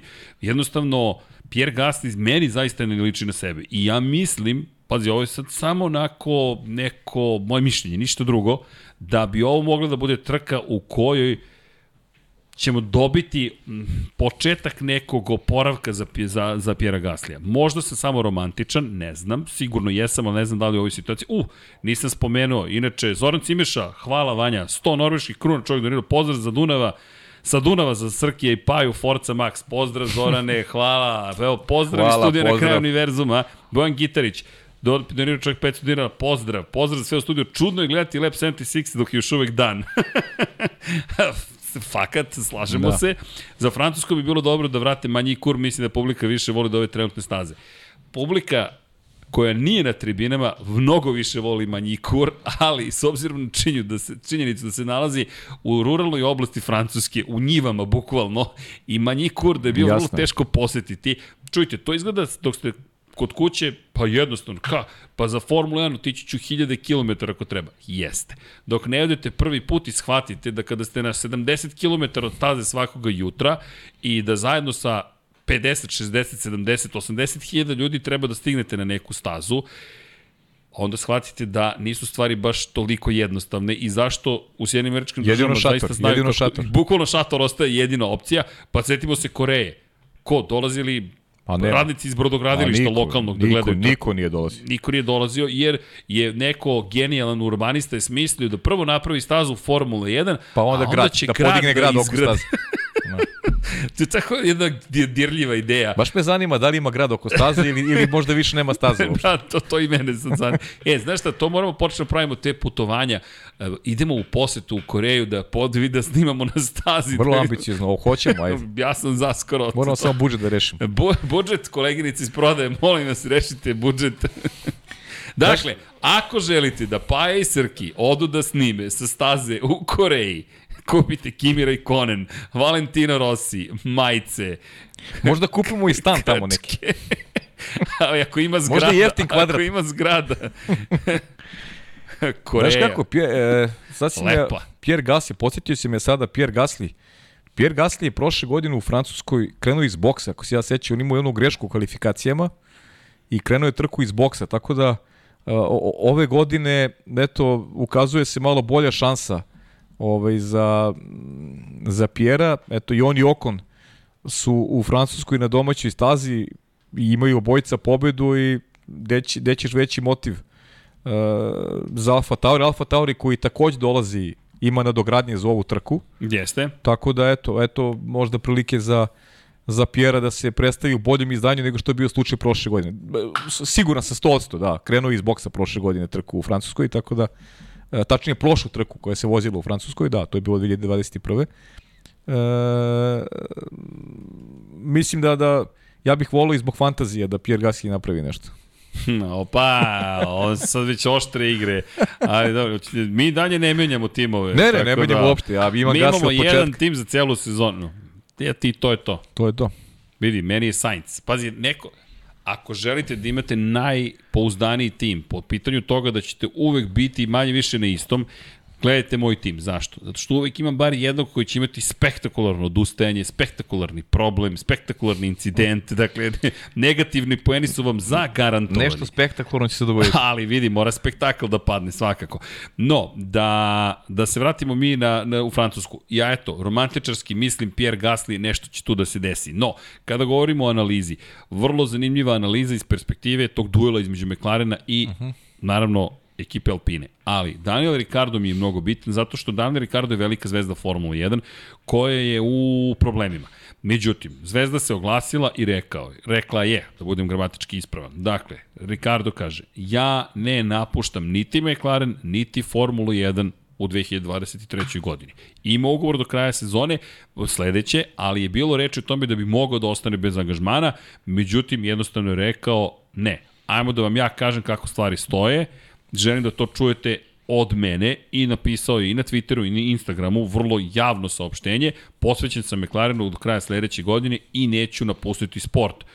Dakle, pa, to ono što je Zajdel rekao u Austriji, ne znam, ispratio si, siguran sam, jako si tada ovaj, ležao kod kuće, da jedna vrlo korektna izjava s njegove strane da nije problem samo u Ricardo, već je. u podešavanjima i pripremi bolida, jer moraju oni kao tim da učine napore da bi Ricardo bio bolji. Jedna vrlo korektna izjava, Zajedno. ali meni pre svega, pre svega, pošto je bilo malo i drugačijih izjava od Zajdla ove godine, iskreno, kada se malo više polemisalo o njegovom odlasku, ali očigledno da su na nekom istom kursu, da su pronašli onako da kažem e, zajednički jezik u smislu saradnje koje će svako trajati do kraja 2023. godine i ekipa se trudi da da Danielu pomogne i obrnuto, pa vidjet ćemo da li će se videti rezultati te, tog nekog njihovog dogovora i, i saradnje koje svako mora bude mnogo bolje, jer nije lepo videti čoveka koji ima uh, Dara koji, koji zna da vozi, a da ima takve zaostatke u odnosu na timsku kolegu. Da, pa dosta je bilo spekulacije, zapravo Alex, Alex Palou je čovek koji je otišao u McLaren zapravo, ako ima pravo na super licencu za Formulu 1, međutim tu je bila bitka sa Chip Ganassijem zapravo, ko će mm -hmm. potpisati ugovor sa njim. Chip Ganassi je saopštio ne, on je naš vozač, McLaren je saopštio ne, on je naš vozač. Bizarna svakako situacija, ali iz perspektive onoga što posmatramo kao okvir u, u Formuli 1, bilo je tu priče da bi možda želeli da dovedu čoveka koji bi eto, mogao da zauzme mesto Danielu Ricardu. I mnogo je priča o tome, o, o ljudima koji dolaze iz Severne Amerike, pogotovo iz jednih američkih država koji bi mogli da se pojave u Formuli 1. Mislim da je neminovno da ćemo uskoro imati vozača iz SAD. Tako je, slažem se to. Jednostavno, to je sigurno. Samo je pitanje da li sledeće godine ili 2024. Ja, ja, ja mislim četvrta, peta i ne vjerujem da će to biti Brian Herta, kao što se priča, već tipujem na neko od ovih momaka koji su u Formuli 2, Formuli 3. Vrlo verovatno. Jer tamo više treba... Ali znaš šta je tu sada zanimljivo? Ti momci, koliko god bili brzi talentovani, ja bih gledao takođe i javnost. Zašto? Zato što javnost u Sjedinim američkim državama ne poznaje ove momke iz Formule Pa dobro, ali javnost u Sjedinim američkim državama najbolje poznaje Kajla Busha i Joea Logana. Fakat. Ali nije, Ma, da. nije realno da ih gledamo u... Ali, u, znaš, mislim okay, da veće može. Veze, veće da. veze Brian Herta, naravno, naravno to, zbog, to, to. zbog ovako seriju koju on vozi, ali ali mislim da ovi momci imaju budućnosti i ja verujem da, da, da već navijači u Sjedinim državama koji prate Formulu 1 vrlo dobro znaju uh, za momke koji su dvojici i trojici. Jer, jer interesovanje za sport je očigledno mnogo veće nego što je bilo ranije, pričali smo zbog čega, Netflix i tako dalje, uh, da, da, da uh, ovim momcima treba da se omogući neka prohodnost, tačnije da se u njih ulaže uh, u nekom budućem periodu. U Kaže, slučaju... samo moja neka observacija sad, ne mora to da bude naravno kritični ti jeste kritično nemamo, govorimo po, nemamo sve da. informacije, ali ono što vidimo je upravo što izgovaramo. Dakle, negde delimo mišljenje da će da je gotovo izvesno da ćemo videti vozača iz Sjednih američkih Tako država. je, da. Prosto sve ukazuje na to da će se to prosto desiti. Inače, ima mnogo vesti, zanimljivo je ovih 10 dana svašta se izdešavalo u Formuli 1. Apropo Landa Norrisa, da ne zborimo Landa Norrisa. Lando Norris je taj koji donosi najviše poena McLarenu ove godine. Lando koji je pao na sedmu poziciju u šampionatu, ali dalje 64 poena. Da podsjetimo Daniel Ricardo u ovom momentu i čovek sa 17 bodova samo. I to je ta ogromna razlika i zašto je veća krivica svaljivana, pa i ja sam to uradio na Daniel pa Ricardo. Pa svi smo to uradili. Zahvaljujući tome. Ali meni čak i nisu toliko poeni e, bitni već te ogromna razlika koja postoji u kvalifikacijnom krugu, u tempu za trku, to je nešto što što nije prihvatljivo i nešto što što nije McLaren. Jer ti ranije godina ti si imao sistem u kome su dva vozača poprilično izjednačena. Činjenica. I to je bilo i prošle godine. Manje više su Lando i Ricardo bili izjednačeni.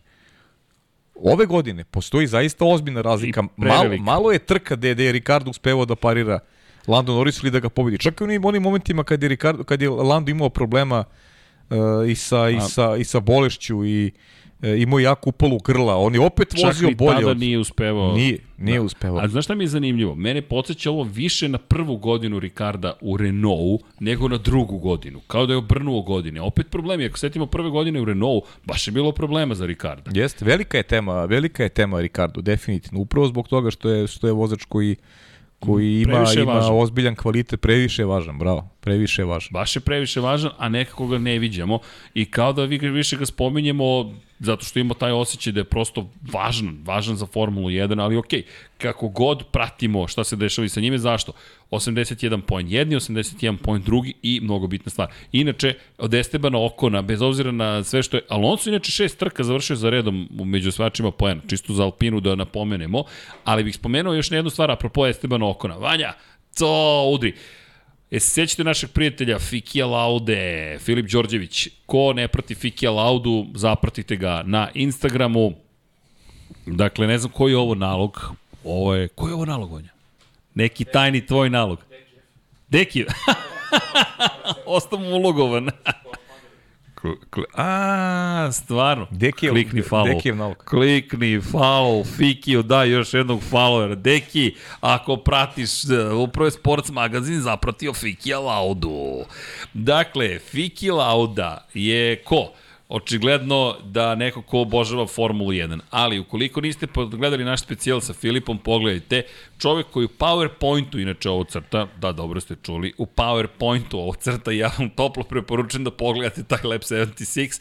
Otkriće vam tajne kako zapravo u PowerPointu da nacrtate kacigu. Ja jesam uverovao jer čovek ne laže, ali sam bio frapiran idejom da je to moguće. Elem Esteban Okon je imao takmičenje i Fiki Lauda kao pravi trkač i gospodin kakav jeste je rekao sada pošto je predstavio svoj bolid za veliku nagradu Francuski 2022. Esteban Okon, želim da podelim moju prijavu. Nažalost ovoga puta nisam nije bila dovoljno dobra da bi me izabrali, ali želim da vam predstavim kako sam ja to osmislio šta sam napravio. Pa eto, čisto mala podrška za člana zajednice ljubitelja Formule 1 i nekoga koji nama puno pomogao koji u Formule E, oko W serije i neko ko je zaista veliki Star Wars ljubitelj i nadam se Jedi da si raspoložen, ali eto, ovo je naša mala podrška, shout out što kažu amerikanci, pa eto da razglasimo malo Fiki u Laudi, pa eto na Instagramu možete da zapratite Fikija, između ostalog čovjek koji ne samo što obožava i vrlo dobro poznaje trkanje, već se i na ovaj način bavi. Inače bio je u igricama, njegovi radovi su bili globalni. Tako da eto, zapratite Fiki Laude, topla preporuka.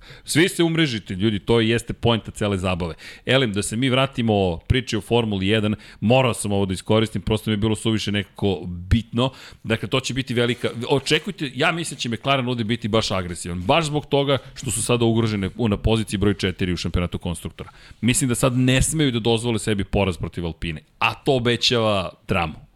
Moj utisak, samo moj Dobro, utisak. Dobro, da, okej, okay, ali... Što me dovodi do čega? Pazi sad ovo, imamo Gaslija. Koliko, opet koliko mogu, znaš. E, to, to. Ali pazi, imamo Gaslija Alfa mogu. Tauriju, onda imaš Mika Šumahera u Hasu koji je u naletu Kevina Magnusa na standardno, ne znamo šta će se ovdje desiti sa Hasom, meni deluje da bi mogla da bude dobra pa, trka, pazi. Ne, ne, nema razloga da sumnjamo. Pa vidi, opet ravna staza, Znaš, ko Silverstone, brzi je, su. Tako je. I raspoloženi, i, i Mick Schumacher koji je rekao... I očigledno se... Ginu Hasu prija, pa opet sve više se pojavljuje na Pojavljuje se, da, rekao bih da mu je sve lepše. Bio Austrije bio, tako da... Neka, to je sve pozitivno. Ginter Steiner zadovoljan i Mik koji je rekao da je uspio da odvoji se od spoljnog utica i da je zato uspio da ostane fokusiran.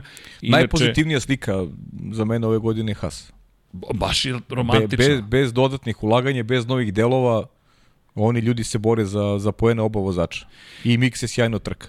I, I da spomenem nešto što što nije mala stvar, neprijatno mi je s jedne strane, ali dosta se priča o tome, s obzirom na činjenicu da da su se oglasili i Jean Todt, bivši šef ekipe Ferrarija, danas se oglasio. Da, znam na što ćeš da... Da spomenemo i oca, Willi Weber se takođe oglasio, bilo je pitanje koje smo dobili, inače pozdrav za, pozdrav za sve pa, vas. Mislim da je, da je Willi Weber u stvari pokrenuo pa, tu neku, da, mislim neku, da je neku Weber lavinu, pokrenuo. on je pokrenuo lavinu, možda i njegove godine i ne znam šta ga je ovaj Mislim da... Pa mislim da je promocija knjige zapravo. Pa, Iskreno. vrlo moguće, da, ali... I to je Miloš Todorov. Inače, pozdrav, pozdrav svim Patreonima. Ljudi, patreon.com kroz Infinity Lighthouse. Možda vas ne spominjemo dovoljno, ali hvala vam. Počeli smo sve češće šaljamo sada poruke, bit ćemo još aktivniji. Ekipa je uspela da sredi neke druge stvari, pa smo sada još vredni. Imamo još više vremena da, da, da radimo ono što obožavamo. Tu nam je Aleksa Vuče, polako vrbujemo njega još više. Ali polako, Aleksa, još ne znaš sve planove.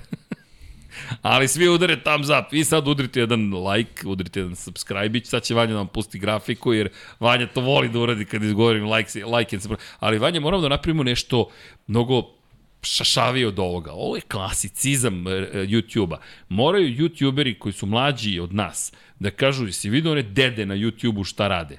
Koliko su napravili dobar fazon? Znaš, moramo to da smislimo, jer realno, evo, pozdravi za Luku i Kuzmu, naše prijatelje koji snime, oni u 21.00 nastupaju, zato nismo mogli mi da uzemo naš večerni tenu, upali nam u termin košarkaši, ali... Ne, do... nego mi bi njima upali Mi, u termin. tako je, tako je. Pa je, Ovo je, pošten kao i uvijek. Ovo je četvrtak. Tako je, pa jo. Naš ne, termin je utorak. Gospodin, tako je, naš termin Amo. utorak, pa onda imamo i sredu za MotoGP, a za Lego ćemo da smislimo, to je jednom po sezoni. Elem, ali zašto spominju Luku i Kuzmu? Ko voli košarku, topla preporuka, Luku i Kuzma. Ko voli pod kapicom, ne znam da ste primetili, uz pajnu dozvolu i pod kapicom na kanalu i na Infinity Lighthouse su počeli da se pojavljuju vaterpolo intervjui, razgovori, podcasti, ja ne znam kako im zove, to je čista ljubav prema Waterpolu, ovaj čovjek je apsolutni car i genije i ko ne prati pod kapicom treba, ko prati Infinity Lighthouse, mi ćemo se potruditi eto da vam prezentujemo i to zašto, negde smo zajedno pričali o tome da bismo volili još više da se proširi ta priča, pa eto, hvala pa je. I za sve što radiš. Hvala tebi. Ne, ne, ali pod kapicom je zaista čude. Kako ide? Hvala tebi. Da, tako je. Hvala da. ekipi. Hvala, hvala, Hvala svima. svima. Ćao Da. svima. Hvala Ćao svima. da, da. I, i, i, I zašto to govorim? Pa, čista radost. Ali, Miloš Todorov, koji kaže, ako budete imali vreme da prokomentarišete izjavu Vilije Webera, bivšeg menadžera Mihaela Šumahira o njegovom zdravstvenom stanju, a u susreti izlasku njegove knjige Benzin u krvi Mihael Šumahir, pobjednički Pa, konj. da, lepo si povezao. Evo ja ću kaže prvi, ja mislim da onako nije baš ovaj primirena, to je nešto što treba ostaviti Porodici. porodici i da niko u to ne treba i ne sme da se ovaj meša, kako god to zvuči. Mislim da je neprimereno postavljati uopšte takve pitanja.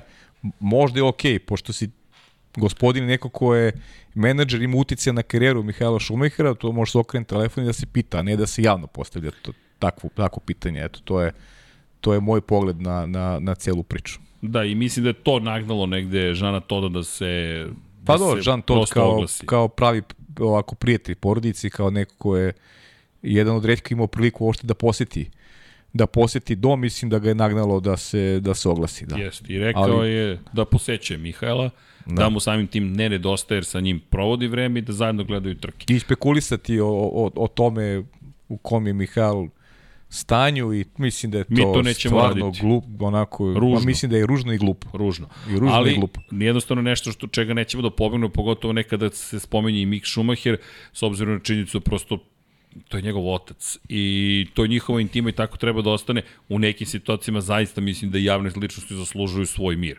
A to je Naravno. ta situacija. A pogotovo ljudi. u tim situacijama, Ovo je da. strašno što se desilo u celoj porodici i samim tim mi se trudimo da to zaista poštujemo što je više moguće. Inače, jedno vedrije pitanje, kaže Miloš, da li ima vesti u vezi Red Bull show rana za 17. septembar, koja je tačna ruta, još nemamo potvrđenu tačnu rutu, znamo da će sigurno ići od studentskog parka do mogu da vam kažem hotela Moskva sigurno, da li će se produžiti i tamo do Londona, ne znam još uvek, ali čim saznamo sve ćemo vam preneti, nemojte ništa da brinete, a inače zanimljivo, slušajte post skriptum, Kaže, datum 17. september je bio prvi najbolji predlog, predlog za termin našeg venčanja moje pametnije i lepše polovine koja se ipak nije bunila, što ćemo to zbog Red Bull show rana pomeriti za oktobar. Red Bull, menjati datum venčanja. Tako da, da Miloše, pozdrav za pametniju i lepšu polovinu. O, očigledno je pametnija, Da, ali... Ali je prava, čim je pristala na kompromis. Prava, tako, Da, je, da. tako da pozdrav za, za buduću Da. gospođu. Svaka joj čast, njoj svaka čast. Njoj svaka čast, a nama, nama nema pomoći, ja bih rekao. U svakom slučaju, da. Inače, Inače, ima tu još jedno pitanje, ima Marko Kozić, ali ću spomenuti malo kasnije. U svakom slučaju, da im samo prenesem pre svega shout out Vanji i Vanji i koleginici iz prodaje. Malo sam vas pobrkao. Ali dobro, sve, sve je to u svakom slučaju da, u, u svrhu dobre zabave. Enače, da se vratimo Hasu, ja mislim da će tu biti baš žestoka ta bitka sad i sa McLarenom i sa Alpinom doći do poena i Alfa Romeo takođe uskače u celu igru gde je Valtteri Bottas rekao da Alfa spremna da reši svoje probleme. Pa dobro, ali Bottas znaš kako je imao problem, on je krenuo iz zadnjeg reda u, Tako je. u toj prethodnoj trci, tako da samim tim i rastu šanse za Valterija. Izgubio je bod od Alonso u posljednjem krugu, bukvalno, na račun bolje strategije, kasnijeg menjanja guma kod Fernanda, tako da od Bottasa očekujemo već utice na trku negde u rangu onoga što može Haas da napravi. I bit će teško pobediti ovaj Ferrarijeve predstavnike. Ko zna, možda tu i Gvanju Joe dobije priliku da, da, da ovaj, i on uštine neki poen.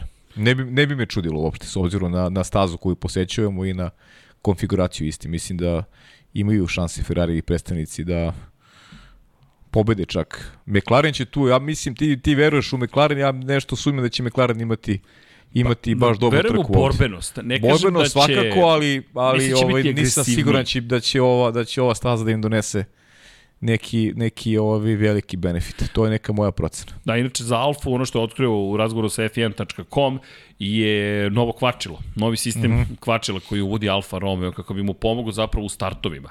Jer koliko god da kratko start traje, to je kritična faza trke.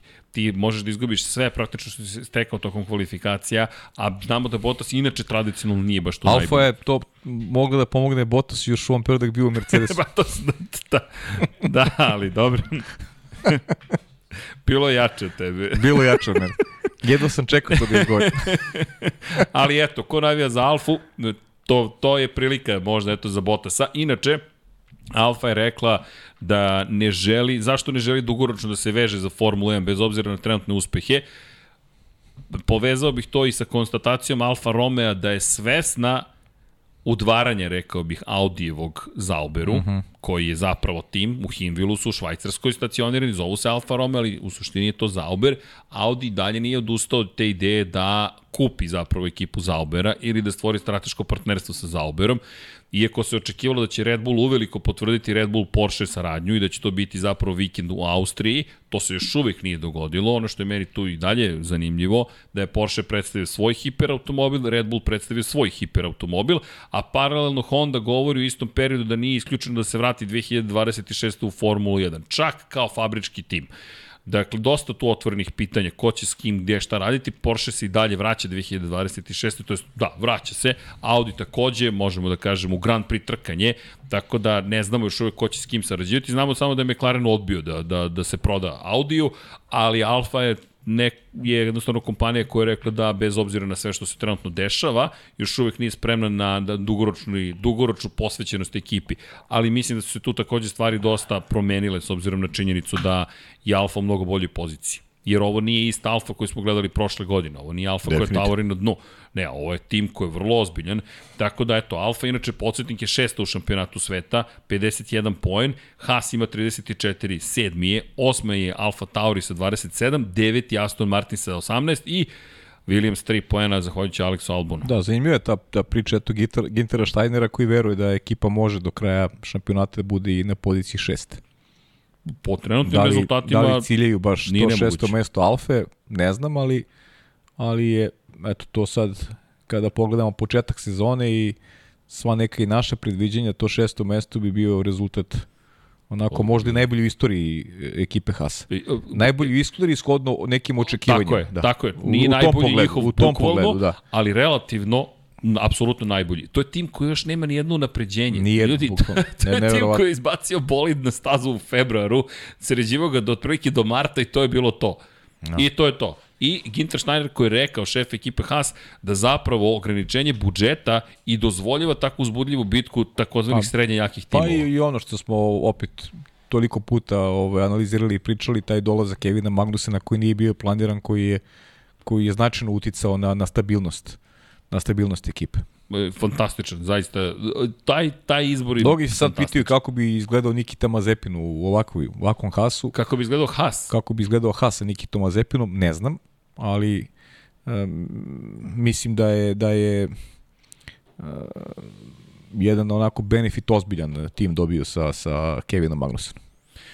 E, u svakom slučaju, kada pričamo o tim bitkama, ja očekujem možda b- bitku za Q2 za početak. Ma dobro, Q2, ajde. Williams uvek nekako je tu. Nu jasno, Martin, ne može nikako da se oporavi kada je reč o Pa kvalifikacijom Martin je konstantno, konstantno... Baš je loša kvalifikacija. Da, da, loša kvalifikacija. Baš, ali okej, za Q3 ja ne znam kako će to da izgleda. Ma da. Ferrari, koji inače sprema novi pod za ovu, za, za ovu trku, tako da očekujemo da se bori za pol poziciju svakako Charles Leclerc. Carlos Sainz čekamo informaciju o motoru.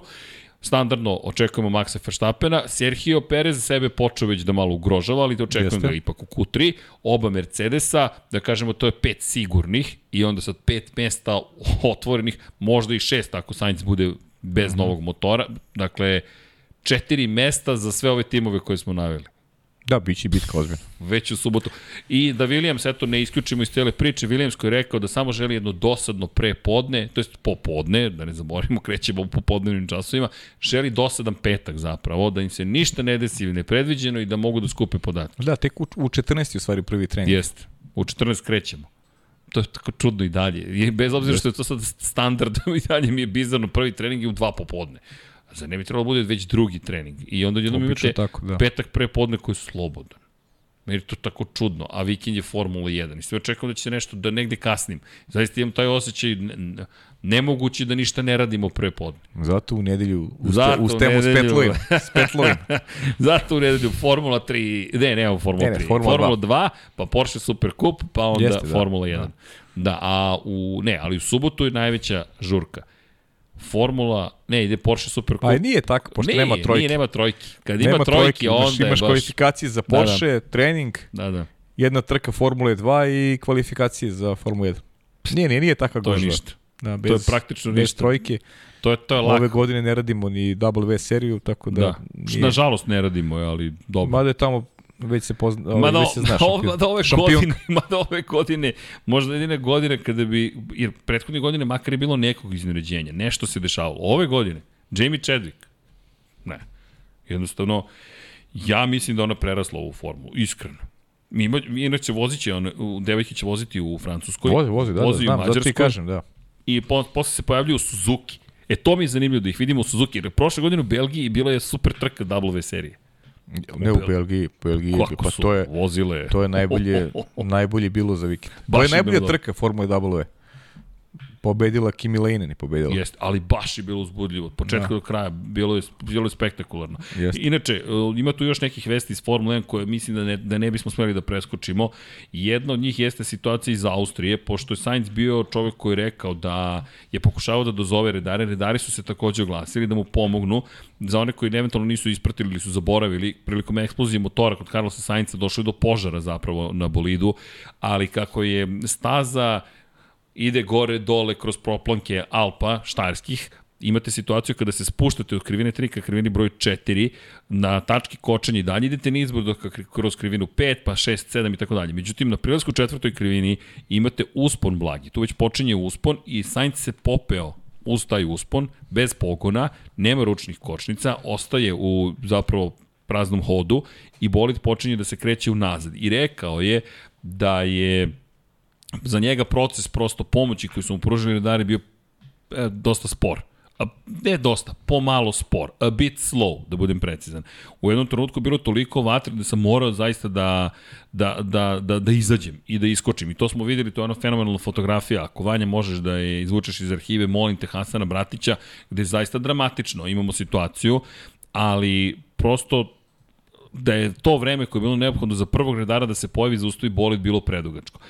Ono što je međutim e, važno napomenuti, to smo pričali prošloga puta, evo ga taj trenutak, obratite pažnju, dakle, podlače klocnu pod prednji desni točak, dakle, pokušavaju da zaustave bolid, pokušavaju istovremeno da, pogledajte redar šta radi, da skinuje rukavice koje inače mora da nosi po pravilniku da bi mogao, ima tu problema koje procedura sama po sebi je teška, dakle s obzirom na činjenicu su hibridi u pitanju, morate da imate gumene rukavice, opasnost od strojnog udara postoji uvek, bez obzira za svo, na svoju bezbednost, redar pokušava ovde da pomogne Carlosu Saincu. Između tela i točka kolenom pridržava vatrogasni aparat i pokušava takođe da ugasi taj bolid. E sad, šta se desilo?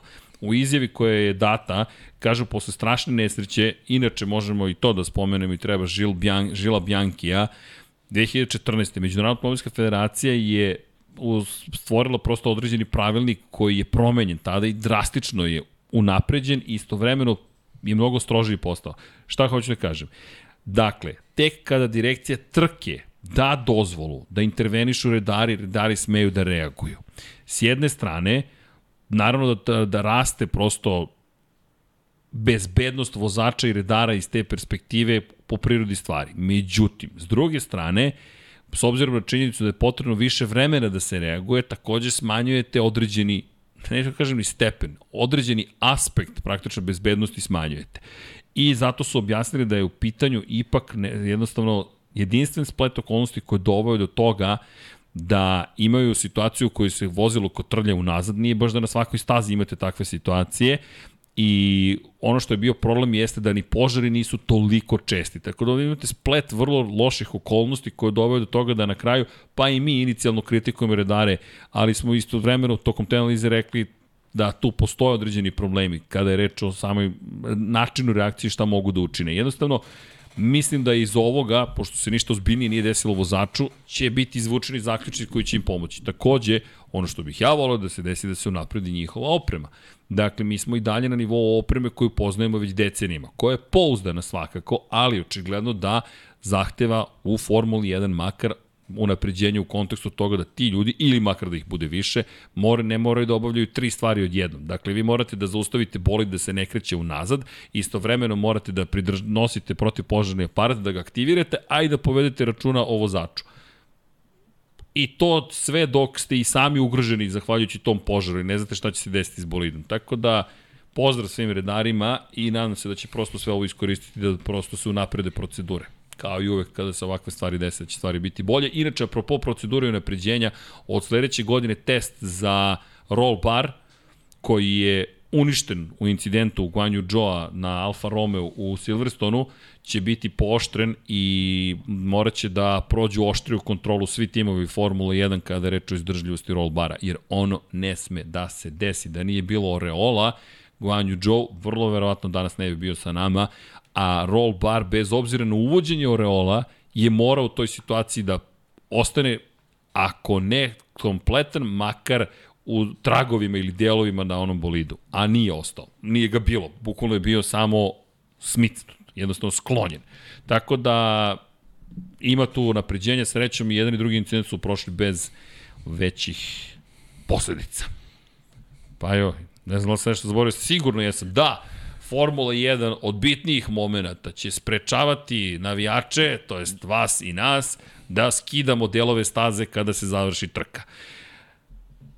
Znakovi poput DRS-a, 100 metara od kočenja, 150, sponzorskih znakova. Znači ta vrsta suvenira Od sada Nije može biti vrlo skupocena. Da. Ili ako planirate... Može da se tumači kao kraće. Tako je. Ako planirate da se okitite tim suvenirima, potrudite se da, e, jel te, vas je teže identifikovati u toj celoj situaciji, ili, ako smem da primetim, možda nije najbolji trend na društvenim mrežama da se aktivno hvalite time da ste to poneli kući. Pa, pa da, upravo Mislim da je jednostavnija reč. Ako smem da krađe. primetim. Da. U prevodu nemojte da kradete i ne, neće niko ništa da konstatuje.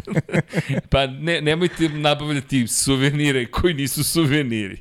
Jel te, za one koji su odrasli 80-ih, 90-ih, pogotovo 90-ih, ja ne znam koji stan imao suvenir zvani metalna tabla sa stanice GSP kod kuće. Pa mislim da, ili izvoza nešto. ne, Neverovatno. Ne, ne naginji se kroz prozor. naginji se. selma, selma. Da. Ali da, u svakom slučaju, da, to su neki suveniri, ja mislim da većina ljudi ni ne zna o čemu mi pričamo. Vanja, si vidio kod neku kući belu tablu metalnu sa znakom, sa zabrojem autobusa? Ne, okej. Okay. nije. Ne, pa to to. To je generacijski jaz. Generacijski. Ne znaš šta si propustio.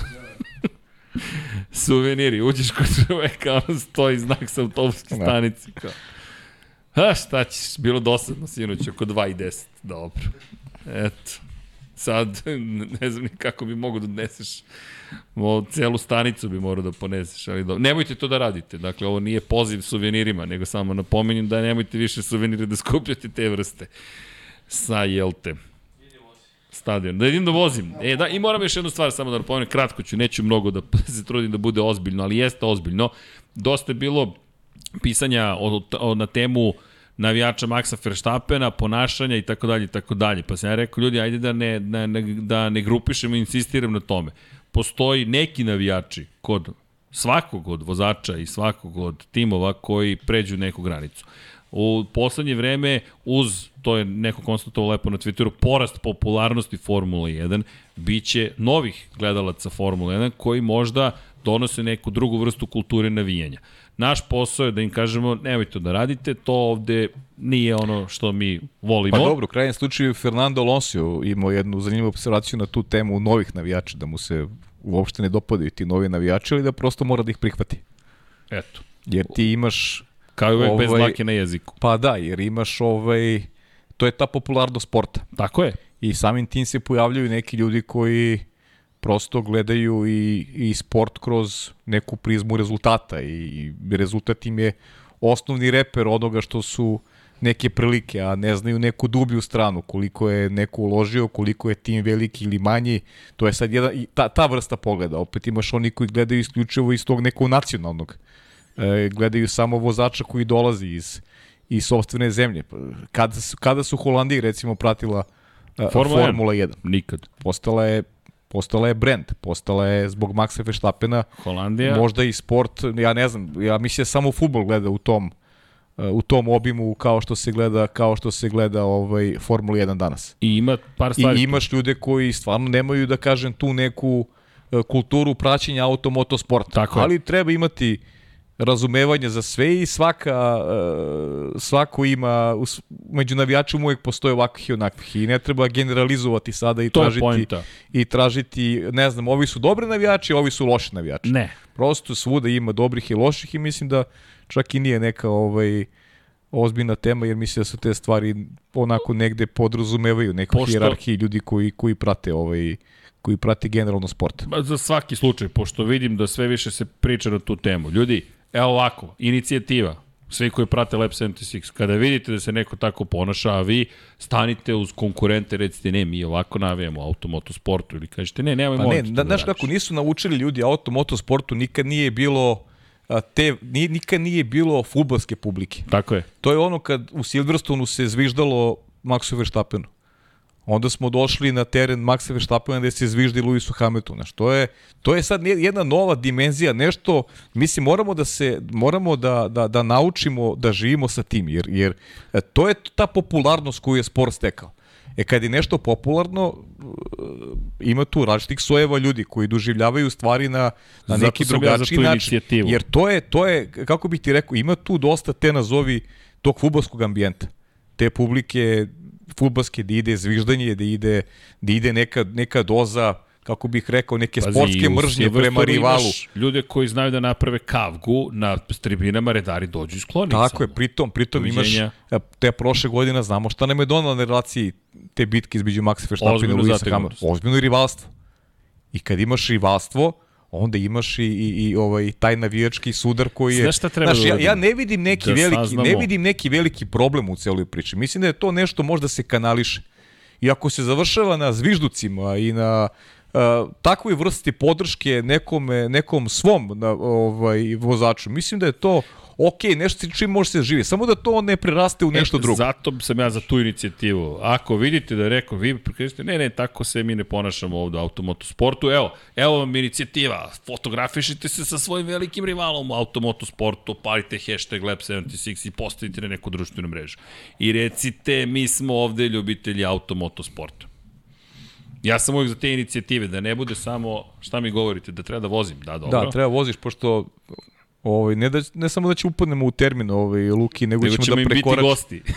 Bićemo dragi gosti. Bićemo im gosti. A sad Luka i Kuzma i Pa i Srle i koleginici iz prodaje. Ajde ti Don to, Pablo je otišao, ti tu da je Aleksa. To, ti da to odvežeš, Vanja. odveziš malo, vidimo stazu i i i da se polako razilazimo. Da se da vreme da može Vanja da pripremi ovaj teren. Kako mu odgovara ovo kad mora se skrati termin? Ne, ne, oni deki lobi zvani 120 minuta. To je vaš lobi. 120 minuta, to je... Da, ti si danas 135 odradio. 135, da. Plus ovih 120. Lagano. Koje je to vreme? Ja lagano, ja, ja klizim, ja klizim ka rekordu. Na onaj VHS klizim ka rekordu minuta. 46 sati. Koliko je to u odmorima? u čemu? Koga? Čega? Klizim ka rekordu u 46 sati. Dobro, idemo u Alpinu. Sad vozimo Alpinu večeras. Alpinu, a? Alpina mora Ajde. da padne. Hoćeš Okona ili Alonsa? Pa, izaberi. Ko ti je draži da vozi sa onim iza, drugim? Izaberi ti ovo, izaberi ti ovi. Alonso, evo. Maš podršku za Alonso. Dobro. Palim, palim TV. Pa, ti si zadužen za pitanje i odgovore. Za pitanje i odgovor. A vi postavite pitanje, a odgovore ćemo mi da dajemo, nadam se. O, odgovore, odgovore ćete dobiti u, slede, u sledećem izlačenju.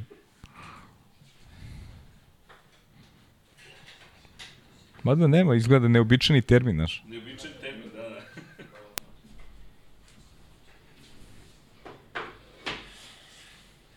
Dobro. Uglavnom svi pitaju za karte za septembar mesec, ali rekao si o to. Nema, nažalost, još Za sada nema informacije da. nikakve o tome. O tom potom.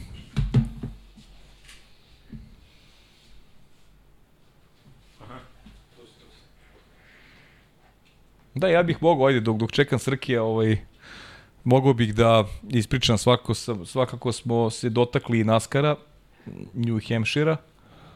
Ovaj, ono što jeste specifično sezone, 14. različiti pobednik, tome nismo prisustvovali do sada. Christopher Bell je pobedio u, na toj magičnoj milji, Ide u play-off. ide u play, pa verovatno ide u play-off, šta ćemo ako bude bilo 17-18 različitih pobednika. Inače, trka u kojoj je dominirao Martin Truex u prve dve etape, pobedio obe, međutim, neki taktički pristup nije bio dobar u etapi 3, malo duže ostajanje ovaj, u, u boksu priliko zamene guma i, i ono što je netipično za New Hampshire da se neki 90 krugova vozilo bez žutih zastava i to je u stvari dalo e, malo, rekao bih, drugačiji epilog trci u posljednjih 10 godina u devet trka je se, se menjao lider u posljednjih 10 krugova. Eto, to je zato je New Hampshire specifičan. Eto, ove godine nije bilo toga. Sjajna pobjeda Kristofera Bela i i pozivnica da ispratite ovaj, ovih završnih šest trka regularnog dela s obzirom da 16 najboljih ide u play-off, a po propozicijama Naskara pobednici su favorizovani, oni ukoliko su među 30 najboljih u šampionatu idu a priori u play-off, tako da ukoliko dobijemo još dva različita pobednika, eto, 16 pobednika će ići, će ići u, u, u play-off. I naravno, 21. augusta obavezno gledajte trku u Watkins Glenu gde će učestvovati Kimi Räikkönen. Mislim da će to biti zaista prava zabava, pogotovo za one koji koji vole Kimi Räikkönena, a to je jedna trkačka staza na kojoj se nekada i vozila Formula 1, a sada se usred sredite na vožnju nove nade Formula 1 Srđan Ercka.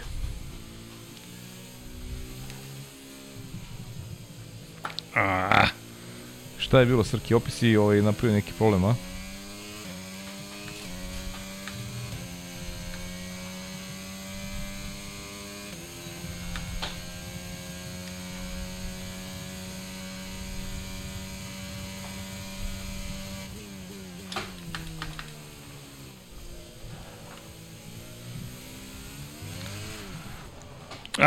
Ne.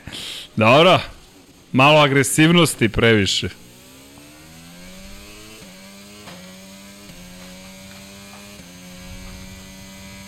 I naravno, to smo pričali, Srki, te, te izlazne zone. Evo, sad si to uradio upravo koje mogu da budu i te plave linije koje mogu da onako budu i naspram pneumatika onako prilično otežavajuće. Zašto je, zašto je bitna i preciznost kruga na Paul Ricaru? Jako važno. ono što si ti sada ovaj loše demonstrirao u jednom momentu.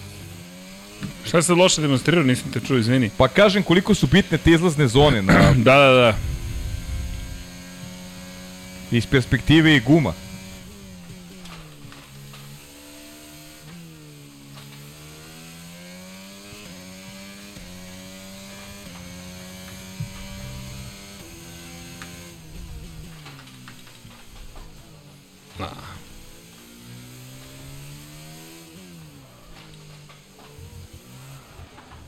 A, ne. Dobro.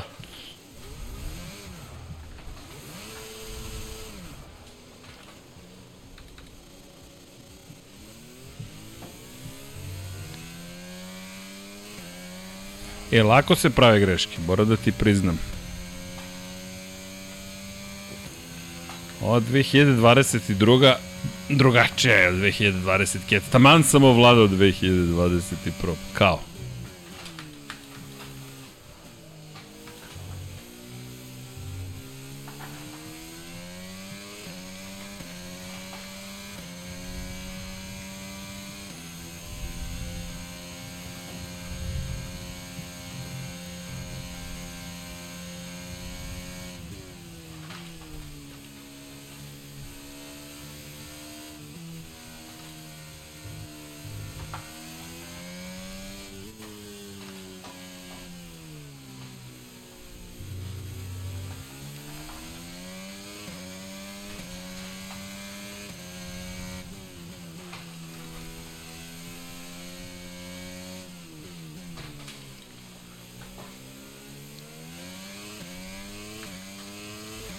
Nisi loš.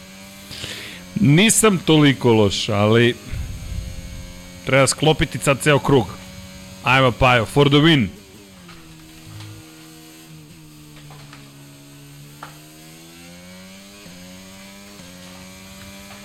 Sad vidim šta si radio na moru.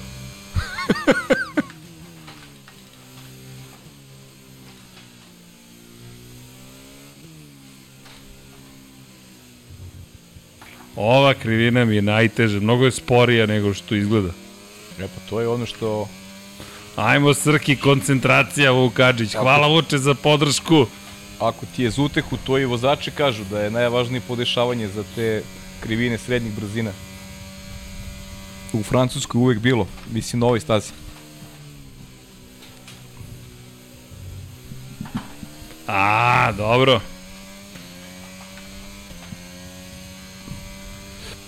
Dobio si upozorenje prvo.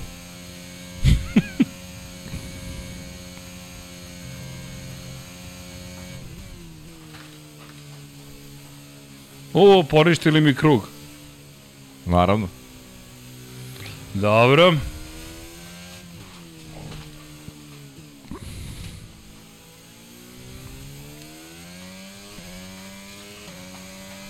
Ovde sam malo lošije. Poziv nas Boris Trutin iz Čačka. Da li si čuo? Iz Čačka, ocelio se čovek ili... Pa izgleda. Evo, najbolji lični krug, pa je, a nije loše. Nije loše. E, pa ja se nadam da ste zadovoljni. Dobar si Srki, dobar, dobar. Možda, Tek ću da možda gledaju ovo iz Alpine. Samo mene čekaju. Pa mlad si, talentovan. Vreme radi za tebe. Ne.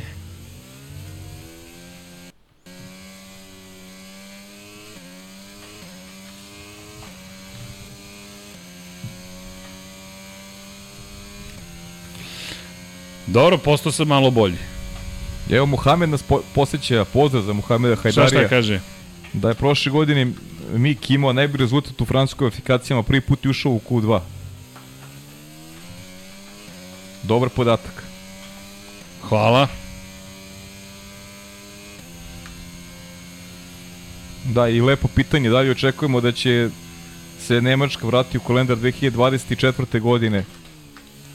On lično očekuje Miku u Mercedesu ako ovako nastavi zajedno sa Russellom jer misli da da Ferrari da Ferrari ne računa na Mika Schumachera ozbiljno.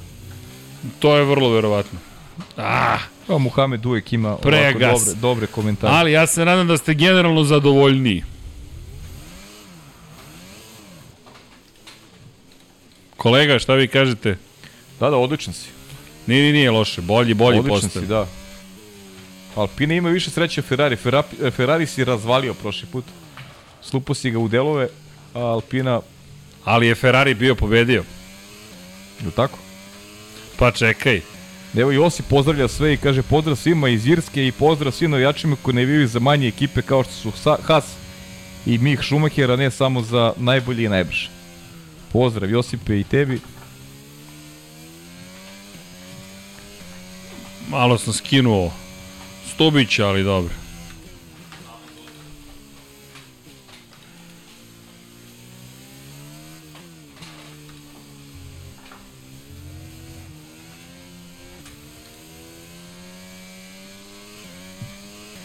Dobro.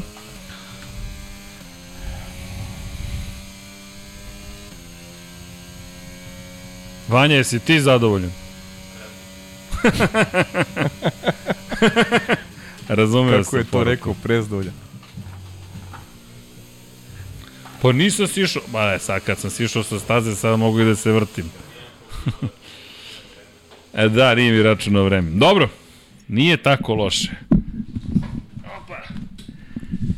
Morat ću više da vozim.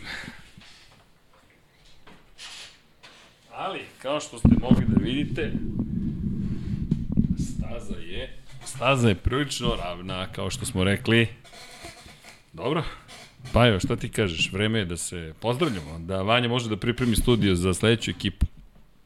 Pozdrav, kažem, za Luku i Kuzmu. Ko nije pratio Luku i Kuzmu, topla preporuka da ispratite i to. I hvala još jednom za sve poklone. Aleksa, hvala ti za poklon znanja i kulture i svega ostalog. Hvala. Aleksa koji obezbeđuje sve grafikone, kao što sam rekao, da spomenemo mi još jednom. Pozdrav inače za Sheilu u Red Bull Racingu, ne navijački, već zato što je to Sheila. Zato što je pobednica da. fantazija i ne bojte zaboraviti igrate fantazi, možete da igrate do početka kvalifikacije da menjate svoju ekipu ukoliko želite. Prijevite mega vozača ili šta već ste je ostavili sebi na raspolaganju, ne znam na koliko ide, sad bi trebalo da dobijete nove ukoliko ste ih trošili, ako sam dobro zapamtio. Ali kako god, Paja je među prvih hiljadu, Vanja ne učestvuje, koleginica iz prodaje među prvih 500 beše? Kako? Prvih 200, da, prvih 200, ja sam među prvih 4000. Tako da sve kako Deki, ne znamo tačno gde je, ali, ali je to negde u studiju. Ja generalno ne znam gde je Deki sam. Uh, Deki, da moram ti priznati da ne znam ta danas gde Ali dobro, ovo je prozivka Deki, sledećeg puta te očekujemo. Inače, za ljubitelje Moto Grand Prix uh, i Formula 1. Utorak, standardni termin sledeće nedelje, odmah analiza for, velike nagrade Francuske, najava velike nagrade Mađarske. Inače, mi ne idemo u Mađarsku, nažalost, ali nećemo da, biti da, u Mađarskoj. Da, da, da, Dosta pitanja smo dobili na tu temu i, nažalost, nećemo biti u, na Hungaroringu, makar ne još ove godine. Držimo palčeve da će se to isto promeniti, ali iz perspektive najave, dakle najavit ćemo trku i onda ide velika letnja pauza za Formulu 1, ali se vraća Moto Grand Prix, tako da sledeće nedelje, to je sledeće srede, to će biti, koji je to datum? 27. hvala. 27. jula, Deki i ja radimo pregled polusezone Moto2, Moto3 i Moto E šampionata. Uradili smo pregled polusezone Moto Grand Prix šampionata, a one tamo nedelje najavljujemo već veliku nagradu Velike Britanije s obzirom na činjenicu da će 7. avgusta na programu biti nastavak sezone Moto Grand Prix-a, pa onda vikend bez Formula 1 i Moto Grand Prix 14. avgusta i onda 21. mi smo u na Red Bull ringu u Austriji, fizički ćemo tamo biti, tako da ko želi, neka se javi. Molim? Četvrt, ja, da, 4. avgusta ovde kviz, dakle, igrajte kviz Valentino Rossi. 4. je ovde kviz, a? Da, ovde ćemo da imamo kviz, dakle, ovde sedim, ovde jedna osoba, ovde druga osoba i ispitujemo vas. Deki će biti i tu, dakle, ne znam da li ćemo zajedno ili to sad Deki moram da ima ili će biti kao uh, član žirija prisutan. Pa što možete i zajedno. Pa možemo zajedno, napravimo još veću dramu ljudima. I onda, naravno, odgovarate, tačne ćete informacije, instrukcije dobiti kada dođete, ali imate 100 pitanja, 15 minuta za online kviz, to je prva etapa, Valentino Rossi i sve njegove trke, da po uzoru na knjigu koju smo objavili, to jest koju smo preveli i objavili Meta Oxlija, Kaciga je tamo, pista iz 2016. potpisana, Valentino Rossi je potpisao i ko bude najbolji u kvizu, dakle osam najboljih iz online kviza fizički dolazi ovde u studiju na kraju univerzuma i ko pobedi njemu ide kaciga, svi ćete dobiti i majice i kačkete, vodeća tri takmičara će dobiti i knjigu, Valentino Rossi sve njegove trke, Tako da eto, u svakom slučaju nadam se da ćemo se lepo zabaviti, a neko će najzad dobiti kacigu koja već godinama nekako stoji kod nas, traži rešenje kako da bude dodeljena, pa je bilo izmena, pa je bio GDPR, pa ne znam nije šta, onda smo rekli ne, kviz, i sledeći put ćemo malo da iskombinujemo da bude i popularnost i znanje, jer oni koji imaju manje znanja o Valentinu Rosiju nekako možda su u težoj poziciji, a oni koji imaju opet manje popularnosti, jel te su u težoj poziciji da skupe čuvene lajkove. Pa ćemo to sledeći put da iskombinujemo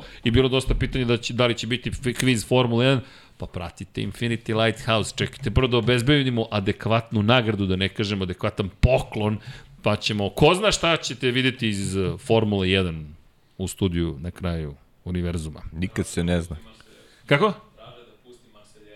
Da pustiš Marseljezu? Kako? A nisam siguran za Marseljezu da nemaš pravo. Kako? Nisam siguran, moramo se raspitamo za himne, Pa da, ali, ali... Ne, da, ne, ne pušti sad ništa. Nemoj sad ništa, nemoj bude YouTube ne- zove ne i kaže ništa. halo, dobar dan. Ne, ali Ha, može. halo Bin, kako brato? Da, hoćeš ja da izvedem na gitari Marseljezu. I pa ja se učutao, značajno me pogledao i ja mislim da u to ime bi trebalo polako da se javljaju. Ne zamerite što je bila skraćena verzija, samo 2 sata i Pa dobro, obično 10 tako i minuta. traju najave, ajde sad da ne budemo... da ne budemo... Ovaj, Da ne budemo, da ne budemo šta god. Da, mislim, dobro. Najava je najava, ipak je najava najava. Utorak ćemo da... Utorak ćemo da se... temu. I mora Deki da dođe. Pa, Ja mislim da bi bilo uručit ćemo mu poziv. Uručit ćemo ako treba poziv. i služben. Opa, evo ga Vanja, već pušta muziku. Ok, Vanja, Vanja, razumeo sam sve, nemojte ništa da brinete. Mi se nadamo još jednom da ste uživali, da ste se lepo zabavili. Jeste malo drugačiji termin, ali šta da radite, u 18.00 četvrtak, a opet bili smo tu iako su bili odmori. No, da se mi prebacimo na ono što je završni čin, što bi se rekao. Uj, dobili smo shopping tab u, na YouTube kanalu. Inače, hvala ljudi, prešli smo 18.000 pretplatnika, što je fenomenalno. A eto, kažu možemo da imamo i shopping sada. Opa, evo, YouTube je prepoznao da smo mi šoperi. Normalno, Naravno, vidi se po nama. vidi se, vidi se po nama. U svakom slučaju, da pročitamo sve članove zajednice koje se nalaze ovde. U, da li sam nekog propustio? Andre, e, dakle, 25 dirhama je Čekajte da vidimo šta je, šta, šta, šta, šta, šta, šta, šta, samo sekund šta je prokomentarisao Andre. To su radili Dubaju, prvo je bio Dubai Autodrom, izgradili su grad Motor City, pozdrav svima. Hvala Andre za informaciju. U Koreji nisam siguran, ali slobodno donirajte i kupujte da možemo da odemo u Koreju da proverimo šta se tamo događa i kakva je situacija trenutno. No, da pročitam prvo Patreon ovoga puta, pa ću onda YouTubere. Hvala vam svima i za članstvo i za podršku na Patreonu. Da, mnogo nam znači, zato što nam omogućava da radimo neke stvari još bolje i više nego što smo inače ranije radili. A kada je reč o novim stvarima, Instagram stranica Kosmos 76 je dobio svoju Instagram stranicu, očekujte uskoro i nešto za Lab 76, ali korak po korak, što kažu. I naravno da se zahvalimo našim patronima, kao što rekao, bez vas nema ni nas, a samim tim, kada ste tu, eto, mi smo, nadam se, još bolji. Razmišljam šta Aleksi još da poželim. Aleksa, još puno uspeha i šta je ostalo na fakultetu? Još dva usmena. To, Aleksa. Znači, završen. Znači, to je to. Završena priča. Pita ih, jel mogu da odgovoram iz studija na kraju univerzuma? Niko mi neće došaptavati ništa. Šalim se, ali, znači, to je to, kraj. Svira i kraj. Nemoj molite da zaglaviš na dva. Znam mnogi koji su tu stali i još uvek 25 godina kasnije imaju još samo dva ispita. Ko nije diplomirao, u prilici je diplomirajte, ljudi. On će to da završi sad. Kada? A, to je za master? O, ma ne, ma gasi, manje. Ma ovde imamo, ma ovde imamo budućeg mastera, ma nema tu šta. Dakle, Marko Kozić, Šmele, Marko Petrakanović, Srđan Sivić, Milan Apro, Branimir Rijevec, Andreja, Nemanja, Jasmina Pešić, Matija Rajić, Zoran Cimeša, Danijel Ilić, Đole, Žena mi zna, Andreja Miladinović, Borislav Jovanović, Miloš Radosavljević, LFC, Crnogorski džedi, Grgo Živaljić, Vlada Ivanović, Jugoslav Krasnić, Nenad Pantelić, Andreja Branković, Nebojša Živanović, Ivan Rečević, Andrej Bicok, Veselin Vukićević, Dimitrije Mišić, Ivan Ciger, Safet Isljami, Ivan Panajotović, Katarina, Boris Erceg, Džigi Bao, Branislav Kovačević, Depres, Depre, je ovo deprimirani navijač Kodija Garbranta, deprimirani obožavalac Kodija Garbranta, mogu tako da prevedem, depressed Cody Garbrant fan, Aleksandar Jurić, Vladimir Filipović, Vladimir Petković, Vanja Radulović, Đorđe Đukić, Pavel Denjem, Miloš Todorov, Emir Mešić, Andrija Todorović, Ertan Prelić, Ognjan Ungurjanović, Alen, Bojan Markov, Bahter Abdurmanov, Predrag Pižurica, Zatim, zatim, zatim Dejan Đokić, Ferenc Laslofi, Branko Bisački, Zarko, Žarko Milić, Aleksandar M, Igor Gošparević, Vukašin Jekić, Branislav Marković, Igor Vučković, Aca Vizla, Dejan Vujović, Nemanja Zagorac, Aleksandar Antonović, Novak Tomić, Boris Kujundžić, Tijena Vinanović, Aleksa Jelić, da žena ne sazna, Dušan Petrović, Lazar Pejević, Stefan Nedeljković, Nemanja Jeremić, Zoran Majdov, Mihovil Stamičar, Nikola Stojanović, Jasenko Samarđić, Bojan Majstorović, Antonio Novak, Stefan Milošić, Miroslav Cvetić, Đole Bronkos, Ognjen Marinković, Martinović, Vukašin Vučenović, Nemanja Miloradović, Marina Mihajlović, Dušan Ristić, Miloš Vuletić, Luka Manitašević, Zorana Vidić, Marko Horg, Boris Golubar, Mirena Živković, Josip Kovačić, Andrej Božo, Boris Gvozden, Nenad Simić, Petar Relić, Bojan Mijatović, Milan Nešković, Borko Božunović, Zatim treća stranica, samo da se očita, Marko Ćurčić, Mlađan Antić, Hristijan Šestak, Stefan Vidić, Ivan Žorž, Luka Savić, Jelena Mak, Goša 46, Kovačević Omer, Monika Erceg, Nenad Đorđević, Nikola Božinović, Filip, Mihajlo Krgović, Đorđe Radović, Predrag Simić, Ivan Simonović, Zoran Šalamun, Aleksa Vučaj, Anonimni Donator, Miloš Banduka, Mario Vidović, Zoltan Mezej, Stefan Lešnik, Ivan Maksimović, Toni Ruščić, Milan Đurđević, Marko Bogovac, Nikola Grujičić, Marko Mostarac, Mladen Krstić, Marko Čuković, Stefan Dulić, Ivan Toškov, Sava Dugi, Jelena Jeremić i Ozren Prpić, a među youtuberima su, i tu su ima ljudi koji se ponavljaju, hvala vam na tome, zaista ste fenomenalni, ali da pročitamo sve članove zajednice na YouTube-u. Dakle, Van Đurić, korespondent, korespondent, Kosta Berić, Žarko Jovanović, Marko Šomođi, Dejan Ilijev, Igor Ilić, Zlatko Marić, Galeksić, Milan Knežević, Aleks Vulović, Vuk, Milan Kokorus, Nemanja Cimbaljević, Bojan Pejković, Koja 7, Almir Vuk, Resničanin, Petar Bjelić, Kro Robi 00, Pavle Lukić, Nikola Božović, Marko Bogavac, Milorad Reljić, Andreja David, Andreja David, oprostite, Nenad Lukić, Staša Stefanović, Toni Soni 76, Nikola Niksi, Saša Stefan, Stevanović, da budem precizniji, Branko Rašević, Nemanja Bračko, Nikola Grđan, Miloš Stanimirović, Vukašin Felbob, Voča Pero, Marko Stojković, Bakadu, Bojan Gitarić, Ivan Magdalenić, Ivan Vujasinović, Tatjana Lemajić, Veselin Vukičević, Branislav Dević, Vukašin Vučenović, Almedin Ahmetović, Nemanja Labović, Aleksandar Kockar, Miloš Zed, LFC, Nikola Kojić, Nemanja Miloradović, Zvonimir Papić, Marina, Vlada Ivanović, Oliver Nikolić, Andrija Todorović, Jelena Jeremić, Aleksandar Nikolić, Luka Skok, Nemanja, Bojan Markovi, Danilo Petrović. Divni, dragi ljudi, hvala, hvala, hvala, još jednom i hvala. Mi vam želimo lep ostatak vikenda, nama počinje kao i svima vama. Pa ne, lepo, petak. nego zajedno ćemo provedemo To, vikend. to, pa kažem, za to vam kažem, kreće tek trkanje i to uzbudljivo, verujemo, trkanje i trening 1 i trening 2, da vidimo koje nove delove doneo, ko A se možete sprema, malo i da tempo. nas vidite sutra. I jao, da, Na na, SK1.